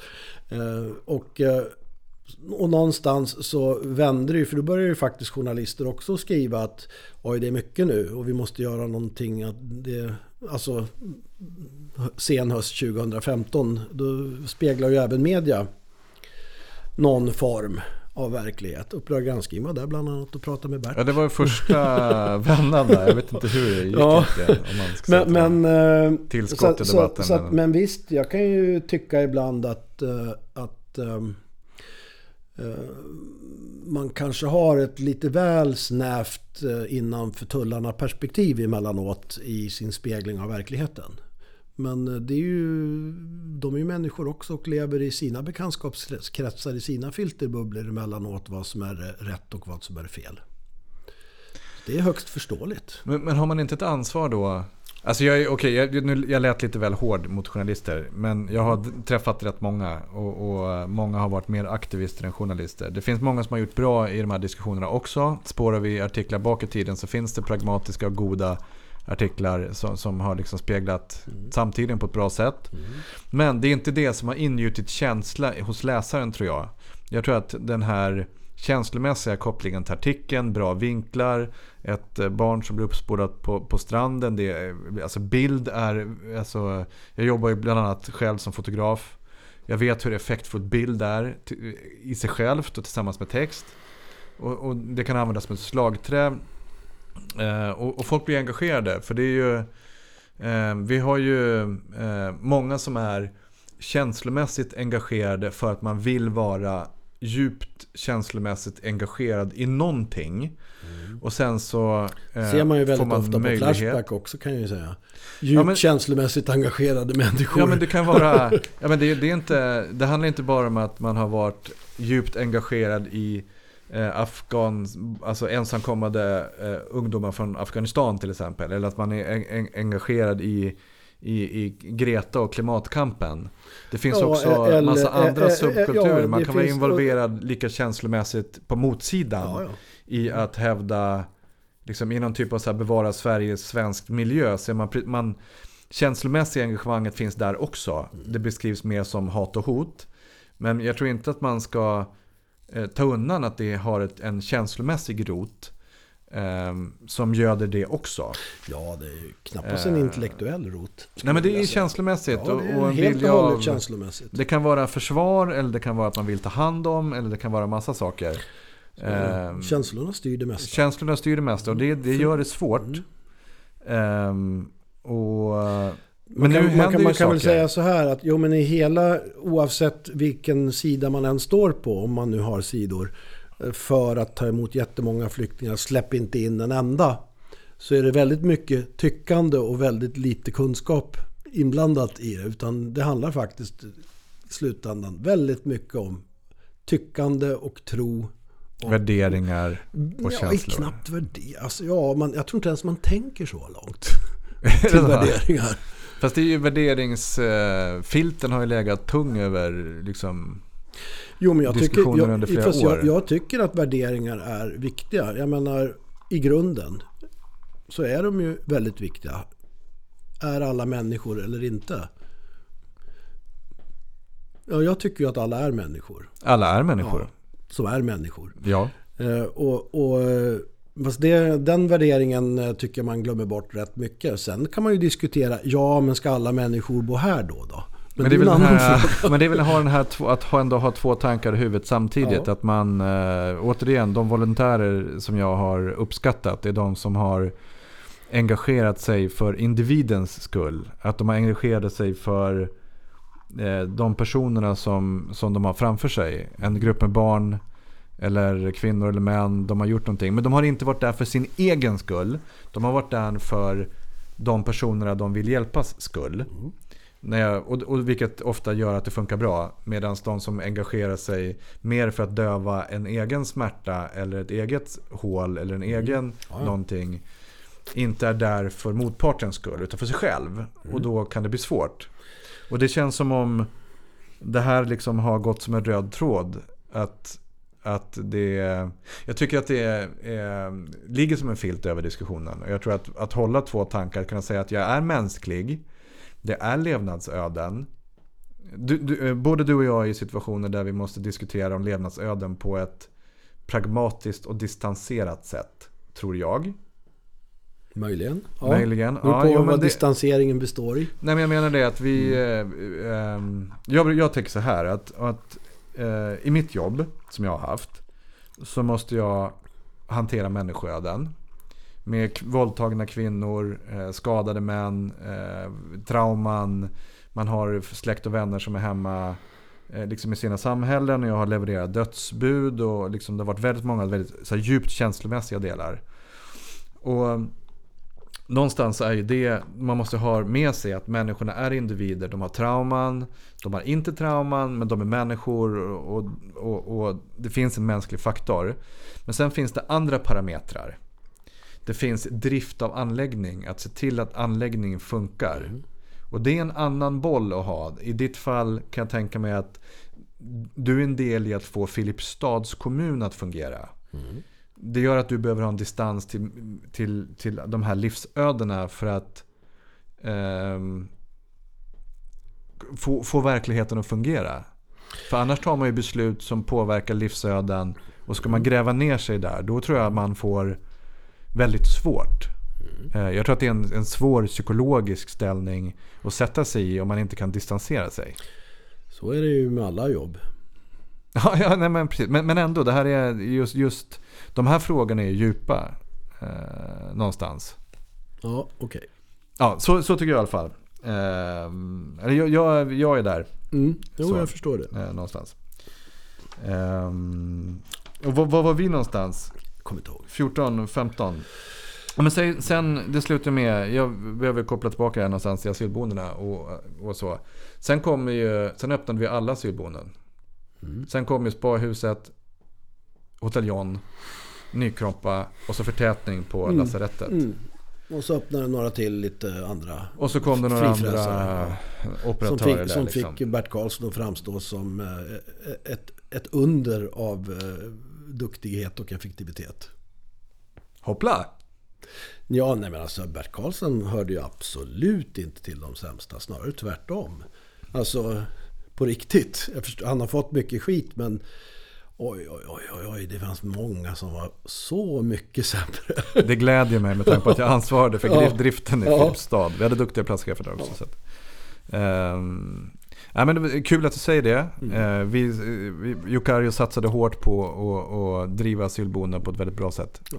Så strukturerat och, och fokuserat som man kunde. Men, men om, man, om man tittar till eh, liksom vår... Hur såg ni på, rent krasst, på, på oss på den privata sidan? För vi, vi, jag kan säga att jag var mer fokuserad på att se till att anläggningarna kom i drift. No matter what. Nej, men alltså det är ju som, som eh, med det mesta med privat verksamhet. Ja, men det, det är till exempel de privata leverantörerna till eh, Arbetsförmedlingen. Vad, vem är, de får ju pengen och vi får besväret och jobbet. Så kan man ju kort uttrycka det. Det kan man lugnt säga. Ja. Ja. Och så såg vi också på er. Ja. Ehm, Så är det ju. Det här är din chans att verkligen skälla om du vill. Nej, fan det är du. Jag du, öppnar du upp. är ju bara en arbetare i Vingården. Jag öppnar upp famnen för att, Skäll att aldrig på arbetaren i Vingården. Nej. Nej, men så kan det i och för sig vara. Eh, Även fast jag ibland skulle väl bli skälld på i någon typ av späkande. Mm. Ehm, Men hade ni... Eh, Försökte ni stoppa oss? Och andra operatörer? Ja, fast det gick ju inte. Alltså för att kunna stoppa någon. Ja, vi kunde ju skrika tills vi blev blå. Det gjorde ju vårt kommunalråd eh, ganska ordentligt. 2014, 2015. Fast ni körde inte så hårt på att skicka ut liksom ventilationskontroller och, och uh, hälsovårdsmyndigheten och börja trickla med by- Man kunde ju liksom stöka till väldigt mycket genom att börja trolla bort bygglov i arkivet till exempel. Det, det, går- det, jag menar, det går inte. Du har ändå... Du har staten som motpart till syvende och sist. Det är inte Bert Karlsson man har som motpart. Det är faktiskt Migrationsverket och därmed staten. Ja... Och då eh, står du dig ganska slätt i slutändan kan jag ju säga. Men är det så? Mm. Eh, För jag, jag vill minnas att vi, vi har ju mött motstånd i, många kommuner. Ja, hur gick det? Vann de? Ja, ibland gjorde de det. Ja. Om de då- visste exakt vad de skulle göra. Ja. Eh, Jag kunde ju alla våra, Mm. jag kan ju fortfarande alla våra liksom, luckor i pansaret. Mm. Och kunde de det så fick vi det jättesvårt. Mm. Eh, Så är det ju. De har. Det är många anläggningar som blivit stoppade på grund av... vi, vi fick ju av, till eh, stopp på en hel del andra frifräsare kan man Ja, ju säga. bygglov var ju en del. Ja, Att se ja, till att det inte fanns rätt bygglov. Mm. Eh, många handlingar är ju bortkomna och låg i någon typ av kom- kommunarkiv. Som, Mm. Hade jag varit på er sida hade jag ju blundat med båda ögonen när jag gick ner i kommunarkivet. Men också hälso... Eh, hälso Hälsa och miljö. miljö har ju... Ja, sådana saker. Det, det höll vi ju på med. Ja. Det, det gjorde vi, men eh, inte på Berts så mycket. För att, ja, Hotell John var vi ju rätt hårda på. Ja, det var, i och med att det var en semi-anläggning. Jag har lite dålig Mm. koll. Men, Ja, men jag är medveten om vilka För där, brister som där fanns. kunde man ju verkligen peka på ett antal brister. Det är möjligt. Mm. Det är möjligt. Det är inte... Det blev ju också ganska kortlivat. Så det, processen Ja. måste ju gå. Mm. Nej men så är det. Ehm, precis, ni skulle haft en av oss på er sida också. Då hade vi kunnat Mm. gått i clinch med oss själva. Ja, det hade inte hjälpt sådär himla mycket. Det är på marginalen. Det har inte så stor betydelse om det är 1300 eller 1500 på asylboendet samtidigt. Men, men vad händer ehm, när vi väl var där? Var, var du en av de som fick det här samtalet att nu, nu har bussarna kommit? Ja. Ehm, det fick man sådär typ kvart i tolv. Och vad, vad, hur kändes det? Nej men det är ju, vad- vadå? Det var ju bara att lösa situationen. Det var ju, det, fan vi är en liten kommun. Det är jättefå tjänstemän. vad gör man? Man försöker att lösa det som är, ja okej, vi måste få in folk, ungarna speciellt då, Ja. i skolan. Vi måste, ja bitten, vi måste, jag menar de här måstena. Då har ni varit väldigt följsamma gentemot eh, Eh, er uppgift måste man ju säga. Jo men så är det ju. Det, vi försökte göra det bästa vi kunde. Liksom för att lösa våran del av uppgiften. Um, så var det. Men det var en ganska konmärklig situation alltså. Det var det. Den kommer säkert att komma igen tror jag. Faktiskt.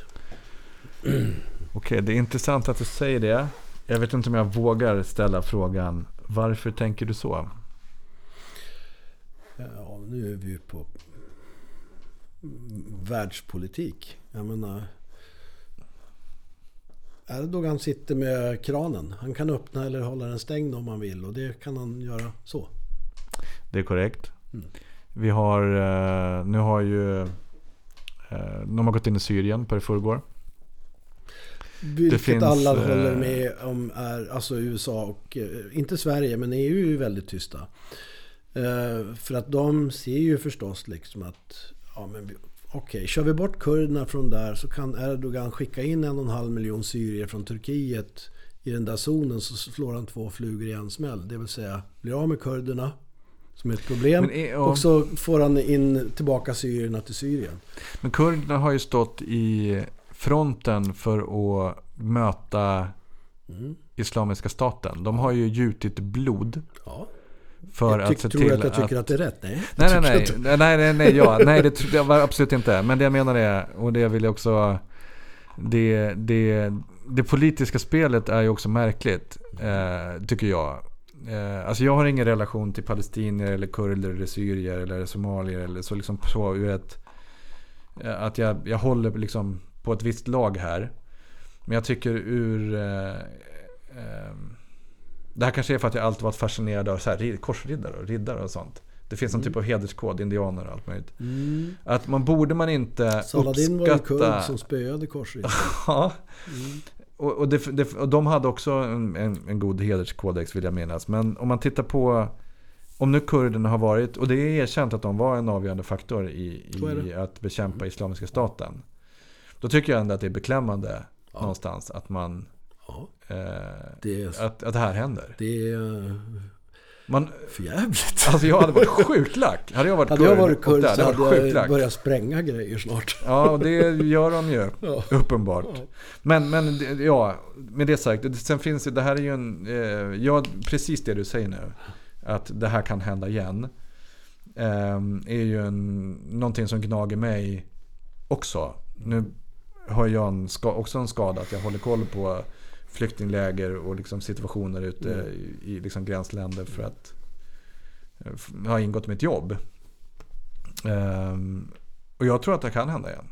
Jag tror absolut inte att vi kan hålla gränserna öppna. Stängda, förlåt. Jag tror absolut inte vi kan hålla gränserna stängda om det väl, om bollen sätts i rullning igen. För då blir- måste vi ha blir- ut krigsmakter. Ja, det, det blir nog rätt Det är en svårt. mycket tuffare- Jag menar, säg att uh, Erdogan vill markera så skickar han in 500 000 till Grekland. Och, alltså, för det kan han ju göra på en kafferast. Vad, hur agerar EU då? Ja, den frågan har vi inte svar på. Men det, det, det är en bräcklig situation. Ja. Så är det. Och det, det fram de sista dagarna visar tydligt på det. Och vi, jag, jag tror inte Sverige är redo att ta, eh, ta emot fler. Men ehm, klockan är... det beror, på hur man ser det. klockan... det beror ju på hur man ser det. Jag menar, var det inte Reinfeldt som sa att, och han är ju inte ensam heller för övrigt, att 2030 behöver Sverige vara 25 miljoner människor för att vi ska kunna hålla uppe den välfärd vi har. Är det så? Du som är statistiker? Mm, Eller du som kan mycket statistik? Ja, det är nog så. Är det så? Men då, alltså, då måste folk jobba också. Ja, det måste finnas en införsel i skattesystemet. Och det Mm. men, men, då, men någonstans så eh, i Uppdrag granskning eh, så dök det också upp de liksom, numera klassiska citat som att vem anställer en, en analfabet. Så. Ehm, jag ska inte säga att det är så här glädjande att höra någon säga det, för att det är inte glädjande. Men jag tycker det är skönt att någon mer än jag tänker den tanken som har levt ute bland de här människorna och sett problemen tidigare. Det är ju omöjligt att, att det här är en person som säger så. De problemen som ni möter i Filipstad, hur lika är de andra 50-60 kommunerna i problemställningar? För det pratas ju inte Nej, mycket jag om skulle, det. jag skulle nog säga att det är nog, jag menar det är ju bara att titta på Kristianstads kommunalråd, eller kommunstyrelsens ordförande i Kristianstad. Han gick ut eh, dagarna efter Uppdrag granskning och säger det är alldeles sant. Vi har ungefär just idag så säger han några hundra siffror eller vad det nu är. Som eh, är analfabeter och eh, aldrig kommer att komma ut på arbetsmarknaden. Och man har man inte vågat säga det innan? Var ni, var, var, var ni en förlösande kraft i kommundiskussionen? Ja, vi har varit jätteviktiga. Vi var också viktiga 2015. Eh, för då började jag operera väldigt hårt. Var det första Uppdrag granskningsprogrammet Ja, 2015? ja, precis. Men det var ju även en mängd artiklar. Jag menar, jag höll ju, höll ju föreläsningar, seminarier Mm. och sådana där saker runt om i landet redan då. Och eh, vid ett tillfälle så blev jag faktiskt så här... eh, Det var i Stockholm. Jag satt väldigt mycket politiska korrekta damer där. Och eh, då blev jag kallad för nazist faktiskt. Ah, nazi. Ja, Ja, uppfriskande. ja faktiskt. Det kändes bra. Vad sa du då? då? Ungefär det jag säger nu. Du slog inte Fast- ihop klackarna och rätade Nej, inte dugg faktiskt. Hade inte en brun skjorta ens en gång. Va? Nej, jag vet jävligt. Normalt har jag ju det. Alltså, men Ja, men inte då. men just jag då tänkte, hade du nej, jag inte tänkte ju liksom, ja. här gäller det ju nej. nej, men för att då var ju liksom inte takhöjden så hög. Men, men eh, vi, vi benämnde saker vid dess rätta namn redan då. Och eh, försökte belysa liksom så här ser det ut, så här är det. Och så här blir det om vi inte gör något. Eh, och, och eh, då är det ju synd att säga så här, ja, det hade man rätt igen då. Ja, och det är liksom told you so funkar ju bara så långt. Man, Mm. man behöver ju förvalta liksom en ny... En ny eh, Mm. Och det, det finns ju några liksom ändå... Eh, jag har gjort några avsnitt med Jens Ganman som är någon satirisk förkämpe i, i, ute i landet. Och Mustafa eh, är ute och han är... Om du Poli, till polis honom. Mustafa. Eh, Exakt. De och, och Galaxia Wallin och en rad andra, liksom, eh, Rektor Hamid och en rad andra människor. De, är också, de arbetar också hårt för att försöka liksom ändå lyfta en diskussion runt om i landet. Jag tycker mig se fler på riksplanet som tar diskussionen. Ehm, och Ja, fast diskussionen hamnar ju lite snett emellanåt. Då, så här, för att eh, man är ju... För det första så är man ju... Vi har ju gjort den här World Value Survey på 6700 migranter i Sverige. just det. Just det, just det, just det, just det. Bra att du säger det. Berätta. Berätta om den. Det är väldigt intressant och väldigt spännande men man kan konstatera så här i varje fall att eh, ehm, utan att eh, det är att de människor som har kommit hit de är här för att stanna. Och de kommer att stanna oavsett vad vi tycker om det. Ja, men det, det borde ju folk ha slagit fast nu. Nja, Eller? Ja, det finns ju flera som tycker att det här med åter, åter, återvandring och sådana här saker ska vi det jobba hårt. hända. Nej, det är väl klart att det, inte kommer att hända. De har kommit, människor är här, de har etablerat sig, Ja, de har kämpat, de har satt ner rötter. De, det är, de kommer att vara här och då måste vi också då förhålla oss till det. Alltså att ja, men nu är ett antal människor här som kan stå nära eller långt ifrån arbetsmarknad och samhälle. Alltså det är ett helt spektra här. Av många olika faktorer, religion Ja, och kön ja eller vad det nu må vara. Jag brukar och- kalla det för kulturvariationer. Det finns en del svenska, födda svenskar som också står ganska långt från både arbetsmarknad och samhälle. Så Ja, det, det, det, det finns det. det finns skalor på alla plan. På alla plan, här. så är det. Mm. Och då måste vi också titta på det och tänka så här att ja, men man kanske då borde titta på hur ska vi få deras barn Alltså, först andra generationens ja, att bli, invandrare. att som man bli en hel del, alltså en, en, en del av vårt samhälle. Hur ska vi få det? Vi har ju uppenbarligen inte lyckats Ska de integreras eller assimileras? Jag tycker att man nog kan välja det själv. Men det viktiga är egentligen att vi måste ju på något sätt, vårt samhälle och grundskolans uppdrag. Det som står högst upp i grundskolans uppdrag, det är inte att veta Hallands floder. Utan det är att fostra demokratiska och självständiga individer. Det är ju en, eh, det är en bra beskrivning, Ja. tycker jag. Skolverket har skrivit jättemycket bra grejer. Och läroplanen är fantastiskt fin. För det är det faktiskt det man ska lära barnen från förskolan till årskurs Ja, det är rimligt. Och det är... Och, ja, förlåt, jag ska inte prata mer. Du får Och då förklara. måste, ju, då måste ju vi också faktiskt försöka göra det. Och så väljer man alldeles själv vad man vill göra av sitt liv. Men då ska man också ha verktyg och förutsättningar och förståelse för hur samhällskontraktet ser ut, vad som förväntas och vad som är dina skyldigheter och rättigheter och hela den där portföljen av grejer som vi får med oss från modersmjölken genom hela skolsystemet. Och det som har fungerat när vi assimilerade bosnierna på 90-talet. Men de är ju inte assimilerade, de är integrerade. De är integrerade. Ja, ja men det är bra. Integration. Är, jag, jag, tycker de är, in, de är inte assimilerade. De är integrerade. De är integrerade. För de behåller sin, sin särart, sitt ursprung, sina, sin kultur. Lite utsmetat som det blir när man integreras, men det är där. Ja. Det är ungefär som en dalmas eh, envisas med att dansa, eller var dalmas. Fast han eh, har bott på Södermalm i 40 år. Ja. Han integreras lagom. Ja. Nej, och det, och, så, och det, det, man får inte glömma det eh, också. Att det, det är viktigt att... Alltså, kommer man från Syrien eller från Afrika eller whatever. Alltså du bär ju med dig en kultur som man rimligtvis kanske vill vara stolt över och mm. förvalta. Mm. Också till sina generationer. Och att det går i samklang med de nya värderingarna. Mm. Eh, såklart. Men där är ju utbildning... Eh, så, alltså det kommer jag, såna... jag brukar kalla det för det kanske en marinering snarare. Att man behöver marineras lite grann av sin omgivning.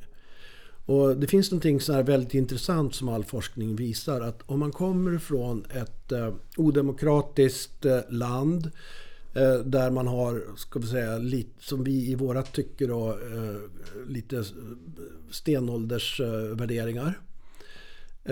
Och kommer till ett land som inte har det. Utan är, som till exempel? Som till exempel Sverige. Ja, Okej, okay, ja, ja, okay. Man kommer hit. Ja, man kommer hit. mottagare. Ja då visar man liksom att det finns något som heter hisseffekt. Alltså att om man då marineras eller stöts är med i samhället så kommer man att väldigt snabbt in, alltså gå, gå mot majoritetsbefolkningens värderingar, skala och hela den här mellevippen. Vad vi gör i Sverige det är att vi isolerar de som kommer hit. Så att man sätter dem till exempel i SFI med 14 andra araber. Och så sitter man och lär sig svenska med dem. Och så gör man kanske en extra tjänst där man går och, och eh, krattar löv med 12 andra somalier. Och då använder man ju inte hisseffekten. Utan man behåller ju grupperna oförändrade. Man träffar ju knappt en svensk. Och då måste vi på något sätt förändra systemet så att det ges förutsättningar för det. Till exempel arbetsplatsförlagda utbildningar i ett sammanhang som motsvarar någonting som är verklighet. Alltså vi måste ju på något sätt börja Men göra den här marineringen. För du kan ju inte marineras med två andra från Syrien. Nej, det blir ju felmarinerad. Ja, eller, det, o, eller omarinerad. omarinerad. Ja, och, och då... Äh, vi, vi går in någonstans i, i liksom läget nu att presentera hur, hur gör vi? Hur gör vi? Mm. Um, hiss, uh, en punkt då att, att nyttja hisseffekten. Den måste vi lära oss använda för det har inte vi använt alls i Sverige. Så hisseffekten, det kan vi säga, det är en, mm. Mm. Det är en actionpunkt. Ja. Och hur gör man det då? då? Hur gör man det? För hisseffekten hade ju massa underrubriker här. Eh, ty tycker jag. Det ena är ju att ha någon typ av praktik eller arbetsplatsbaserad eh, inlärning. Mäktar näringslivet med det? Hur, hur, hur fun funkar det i Filipstad?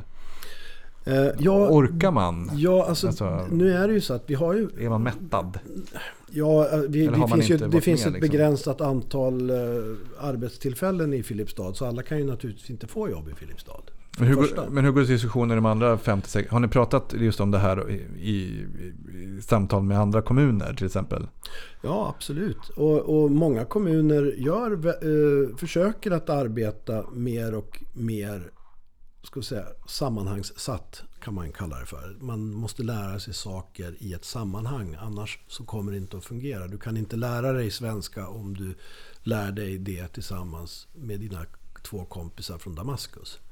Det är inte så du lär dig svenska. Utan du lär dig svenska genom att använda det på något sätt som du också själv förstår. Till exempel ja. om du har jobbat som målare i Eritrea. Ja, lär dig målare svenska. Lär dig målar. Alltså det börjar man ju göra mer och mer nu. Men eh, inte tillräckligt. Inte, alltså, Nej, vi, alltså det är för lite. Men mäktar vi med? Finns... Det är väl klart vi gör det. Annars så får vi ju betala det ännu ja, mer. Ja, ja, ja, ja. Absolut. Mm. Självklart. Jag, jag håller helt med dig där. Men, men ändå, jag måste ändå komma tillbaka och smyga in frågan igen här. Alltså, för svaret är egentligen, ja om vi inte väktar mer så kommer det bli mångt mycket sämre. Mm. Och då är vi tillbaka, men, men mäktar vi med? Är vi Ja, är vi... så många är det inte faktiskt. Som, alltså, det, det, är väl klart, det är väl klart vi klarar av det, men då måste man också... Menar, vad, vad behövs? Vad, vad är det för verktyg och, som måste fram? Om, om, vi bara tittar på det så här. Liksom att, ja, vi behöver gå från en arbetslinje till en utbildningslinje. Och då menar jag utbildning i grundskolans uppdragssammanhang. Vad alltså även för vuxna? Eller pratar ja, vi liksom att... Nej, för vuxna. Vi behöver göra det. Och det, och det gör man inte riktigt idag? Det gör man inte alls idag. Och, och, vad, och vad, vad, behöver man göra för att det ska bli av? Alltså vad, vad behöver man, man, man, få till, exempel, för att det här ska då, hända? Då, då, kan man till exempel, en väldigt enkel sak, det är ju att Alltså exemplet är så här, om man tar peng, lika mycket pengar som extratjänsterna kostade. Alltså, om du känner till det ja, konceptet. det vart ju en supersatsning det där. Ja, kul och lyckad grej. Um, men det putsade upp statistiken lite tillfälligt. Ja, och, återigen, och, kommun, och, och kommunerna tycker ju det var bra för det minskade ju vårt försörjningsstöd tillfälligt. Det gjorde det ju. Vi fick ju bort folk från försörjningsstödet som istället staten gav pengar. Men man flyttar problematiken? Vi kan väl säga att man flyttar från ett bidragssystem till ett annat. Ja, du, du ja, ackumulerar ja, ju ja. något dåligt. Ja, och, och då vad man, vad man också ackumulerar det är att man bygger på någonting som finns i odemokratiska länder som är totalitära. Det är ju liksom att där, eh, ska man säga, där söker man inte ett arbete, man tilldelas ett. Och här är det samma sak med extratjänster. Här tilldelas du ett arbete. Alltså du, du bygger på den här sättet att det spelar ingen... om jag frågar en, en syrier till exempel. Vad gör du om fem år? Då säger han Inshallah. Det vill säga den här om, ödesbestämda att någon, om Gud vill. Ja, om någon annan, någon annan bestämmer. Jag kan inte påverka det så mycket. Och det begränsar också den här viljan och förståelsen över att investera i sin egen framtid med utbildning till exempel. Alltså det här, nu presenterar du ett helt till program. Ja. att bara diskutera det där. För um, Alltså det är så breda frågor. För att er som, jag, vi har inte titulerat er tittare på ett tag, eller lyssnare på ett tag. Eh, liksom, den här frågan i hur man är proaktiv och tänker långsiktigt och förvaltar sin framtid. Mm. Och driver sitt eget öde. Är ju svenskar, en, jag tycker att svenskar ändå är ganska bra på det. Vi är bäst i världen på det nästan. Eh, och, kan jag säga, enligt World Value Service och, så är vi nästan bäst i världen. Och jag har också upplevt, jag har inte tänkt, det du säger nu, jag har upplevt det jättemånga gånger. Men jag har inte satt det i det kontext som du gör nu. Eh, liksom så. Eh, hur tror du kommer att gå? Hur är det? Så, inshallah. Mm. Och sen händer inget mer. Och vi är ju nappflaskade med eget tänkande. Jag kommer ihåg när min svärfar kom upp eh, på BB med mitt förstfödda barn som är nu 35 föddes. Då, då, kommer han upp och så tittar han så här på, på henne och så tittar han på mig och säger Vilken linje ska hon gå på på gymnasiet? Ja, då var det klart ute. Då ska vi ta och ha syosamtal här. Ja men det, det är långsiktigt. Ja. Och, och, vi borde ju, det är klart att eh, är man inmatad med ett pensionssystem där man måste arbeta för att få pension så är man tvingad att täcka långsiktigt någonstans. Ja, det är ett bra mm. medel. Det, det finns en, eh, men, men... en ganska omfattande forskning nu och en tes som man driver bland annat från Harvard i USA och eh, från Bologna i, i Italien och några till universitet, toppuniversiteten där man tittar på den här eh, klimateffekten, du som gillar klimat. Det vill säga vill- klimat, klimatet, ogillar klima- inte klimatets roll, alltså nu pratar jag då tempererad zon kontra subtropisk zon till Ja, exempel. och- alltså. och behovet av ett långsiktigt planläggande för att överleva.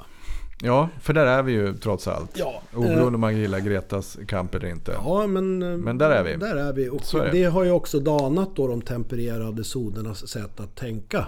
Enligt den forskningen då. De håller på att försöka leda det i någon form av bevis. Så det är tidig forskning men ändå med vissa Ja, fast konklusioner. det är ganska... Det är Omfattande. många parametrar som pekar på att eh, det är möjligen så. Ja, vilket också kommer driva Mm. förflyttningar från varma zoner till kallare zoner. Och det kommer att ske en klimat Ja. flyktingström i olika De riktningar. första har faktiskt börjat komma redan. Från var till var? Ja, fast det är ju... Nu, det här är lite lustigt. Från Skåne Nej, men mä- till... människor är inte... De är entreprenöriella. De är smarta. De Ja, vi- göra. människor Så att det är är faktiskt de överlevare. första, de första eh, ansökningarna av asyl av klimatskäl har börjat ramla in i Sverige av somalier från Somalia faktiskt. Jaha, man eh, kör det spåret. Nej men det är förändlighet. Ja. Jag är, är gammal kustartillerist. Mm. Så, och vi hade ett valspråk som jag älskar. Det var Ignis et motus. Som betyder. Eld och rörelse. Mm. Så. Jag försöker alltid tänka på det utan att låta som en galen gammal eh, värnpliktsdåre. Så. Men eld och rörelse. Funkar inte där, har man gjort sitt, då ommobiliserar man och så provar man nya sätt. Och människan gör så. Ja, så är det. Eh, och eh, det är intressant att du säger det, för det, jag satt också i ett annat möte med någon elsnubbe på ja, E-road. E- E-road. Eh, på E-road Arlanda. De Mm. håller på med sådana här elektrifierade eh, vägavsnitt. Mm. Eh, så. Eh, vi ska börja runda av snart också. Eh, vet ska vara. Ehm, och då, han, då, berättar de att tekniken för att, eh, att leda solenergiplåtar i Saharaöknen upp i Europa är färdig. Så är. Så att du kan, man skulle utan problem kunna bygga stora solcellsområden i Sahara eller annan supervarm solig plats och försörja hela Europa eh, med det. Därför att idag så man förlorar så lite effekt i, med hjälp av den nya tekniken då. Transfereringsteknik, ja. Exakt. Precis, som Eh, ABB Ludvika är världsbäst på. Så, och det finns en del forskningsprojekt som, som och många är sammanlänkade de här stora forskningsprojekten såklart. Och det är ju intressant då att, att tekniken finns men eh, jag ser sällan det på barrikaderna.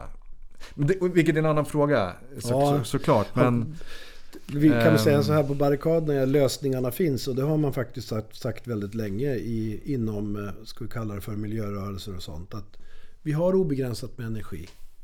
Så ja, pekar man på solen. För det är obegränsat. Det gäller bara att utveckla teknik att ta hand om det. ja, och idag finns faktiskt... Eh, Stora, det finns delar, ju mycket sto- mer... stora delar av teknik tekniken. ja, man man kan ju också titta bara på bränsleceller som man jo- jobbar med på Ångströmlaboratoriet i Uppsala. De har kommit jättenära. Liksom. Ja, Men, eh, eh, Så det, det, det, oavsett det så um, eh, den, den pucken orkar jag inte gå in på. Nej men det blir en annan. Vi, Ja, vi, mm. vi skulle kunna ha många träffar här känner jag. Och det, det jag tycker är superkul att vara här. Att, att ha dig här. Det är jätte, jag skulle kunna sitta och diskutera med dig hur länge som helst känner jag. Mm. Men vi, har, vi börjar få kort om tid. Vi har varit igång i ehm, eh, jättelänge. 108 minuter nu, Mm. ganska exakt. Vi har, du har kommit med lite konkreta råd och vi har, eh, in, vi har pratat om en del av de saker jag hade tänkt att ta upp idag. Men jag tycker att vi har, jag tycker att vi har det här var jättekul. Um, och jag, jag, du känns verkligen ehm, engagerad och laddad. Alltså du, ehm, du har ju varit ute och åkt ett tag nu. Ja. Så, och du, du har energi kvar än. Till synes. Jag vet inte hur stressnivåerna är utanför det här mötet. Så. Men du verkar ändå, eh, jag tycker att du verkar vara väldigt passionerad för det här. Det känns som du brinner för eh, kommuner och Filipstad och diskussionen. Och det glädjer mig. Jag trodde att du skulle vara mer negativ. Mhm, mm. Eh, Det, det, det, jag hade det. Eh, Det var ingen förväntning men jag hade nog eh, lite förväntat mig det kanske. Men det känns som du är mycket mer lösningsorienterad istället för pro- problemorienterad här. Jag är och det väldigt- glädjer mig. Det, men- det gör mig men jätteglad. gre- Grejen är så här att jag... Det, det, vi, alltså vi måste liksom på något sätt... Vi, det låter gnälligt när man säger att ni gör en fel målgruppsanalys. Som jag har hävdat väldigt länge. När Ylva Johansson backade från 30% akademiker eh, till ungefär 10% eller att 5% gick vidare till gymnasie eller högre. Eh, det var för att jag höll ett seminarium innan hon pratade. När jag tog upp de här siffrorna. Jag beskriver målgruppen som den är. För att det måste man göra för att kunna göra rätt saker.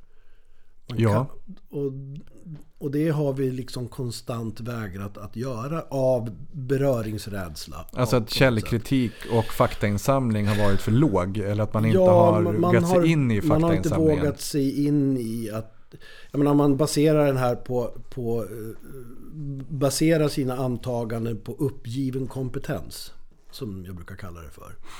Eh, Du kommer in till Arbetsförmedlingen som nyanländ och så frågar de vad har du för utbildning då? Och så säger man, ja men jag har gått 12 år i skola. Säger den somaliska kvinnan. Det här är ett riktigt exempel. Ja. Jag har gått 12 år i skola, för det har hon gjort i Somalia. Och då skriver ju arbetsförmedlaren in gymnasie, för det är ju 12 år, då vet ju alla. Så här, gymnasiekompetens, så står hon som det. Och så frågar jag henne en kvart efter, Hörru du, vad var det för skola du gick på? Eh, ja, men jag gick tre veckor, två gånger varje år, så gick jag på en koranskola. Alltså sex veckor gånger 12 år gymnasiekompetens. Hon kunde ju inte ens läsa och skriva eller någonting. Och så blir hon kodad med gymnasiekompetens och matchas då mot insatser och utbildningar som är där. Det är väl klart som fan att man inte får något resultat. Blev du trött nu? Alltså det krampar i kroppen när jag hör sånt här. För Ja. det Jag hör det för ofta. De här, de här eh, exemplen kommer för ofta. Och, jag- och, och någonstans, okej nu, nu är jag inte lika inblandad i det här direkt. Därför att jag har ingen asylboende i drift. Så jag pratar inte med människor på samma sätt. Men, men sådana här exempel har ju liksom kantats av eh, liksom under alla de här åren överallt. Och det, det, det, det förvärrar. Det känns som en, en punkt i den här listan att, att eh, utnyttja hisseffekt och liksom hjälpa de som kommer hit. Vi måste ju gå ett eget utbildningsprogram i vad i helvete vi håller på med. För att ens kunna vara i närheten att ta fram ett bra program för integration slash assimilation i någon typ av valfri Vad du nu än vill. lösning där liksom. Det känns som om, om ett nationellt inhouse-jobb skulle behöva göras. För Ja. att liksom lägga grunden Ja. för, för det här. Ja. Det är precis det som behövs. Vi behöver lära Det är ju oss. längst upp, det är ju före allt annat. Det, ju, det här måste ju ske innan man kan börja prata om hissar. Det är högst upp är det att man måste faktiskt göra en korrekt målgruppsanalys. Det är ruta ett. Det vet ju Ja. varenda en. Ska du sälja en grej så måste du ju veta hur ser den ut som du ska sälja grejen Vi behöver till. en intern utbildning Ja. här. Och när kommer den? ja, det kan man ju fråga sig. Eh, sent skulle syndaren vakna. Nej, men jag tycker att eh, Skolverket håller ju på med en utredning nu som har fått förlängning och som ska presenteras nu någon gång. Och där tar man faktiskt... eh, Kommer man att lägga förslag som faktiskt handlar mer om att man måste anpassa utbildningarna till den nivån individen befinner sig på. Det är ju jättebra. Eh, Ja, det, ja jo så är det ju. Ja, Eh, eh, lite sent kan här. tyckas. eh, men det är en bra början. Och jag ser ju också i många, sek- många sektorer att man börjar mer och mer inse att det vi har gjort så här långt kanske inte har varit så här toppenbra. Utan vi måste nog börja titta på lite andra parametrar och se på något sätt någon form av, av att eh, man kan, alltså det är ju, man, man, som jag skrev i Svenska Dagbladet-artikeln, att jag tycker att svensk eh, integrationspolitik har kännetecknats av att man försöker pressa in röda fyrkanter i gula runda hål. Ja, jag markerar ut den här i, min, Ja, i mitt papper. Eh, och det är var- var precis det, det här jag programpunkt. Ja. beskriver då. Det är det jag menar. Ja, Eh, Att eh, man har någon föreställning över att så här ser det ut. Alla migranter är ungefär likadana och behöver ha exakt likadana insatser. Och så är det ju inte. Det är ju en jättestor skillnad precis på dem som de är ju individer. Och det är det här vi måste börja titta på, liksom den individbaserade integrationspolitiken på något sätt. då lovar jag dig här nu. För att jag också har lite dåligt samvete över att jag har eh, fulltagligt vältrat över asylsökande i Filipstad och massa andra kommuner. Och, det, och helt ärligt så, så tycker jag att det är lite jobbigt. Det är, därför, det är en del att jag har den här podden. Eh, så därför så lovar jag nu att jag ska aktivt arbeta för en svensk internutbildning med individbaserad integration. Så. Bra. Tack för att du kom hit. Det har varit jätteroligt. Jag trodde att vi skulle prata mer om asylboenden i Filipstad och, och det jag pysslade med. Jag är glad att vi pratade mindre om det och mer om alla smarta och bra saker som du har lagrat. Tack för att du kom hit. Tack för vårt samtal och eh, jag hoppas vi får anledning att träffas igen. Och till er lyssnare ute, jag hoppas ni orkat lyssna på de här två timmar långa programmet. Eh, och att ni har kraft nog och eh, komma tillbaka och lyssna på fler program. Och håll ögonen öppna efter eh, Jims strapader, eskapader och eh, resor runt om i Sverige. Jag tror ni kommer ha nytta av det. Tack Hej så länge. Bra, hej. Hej.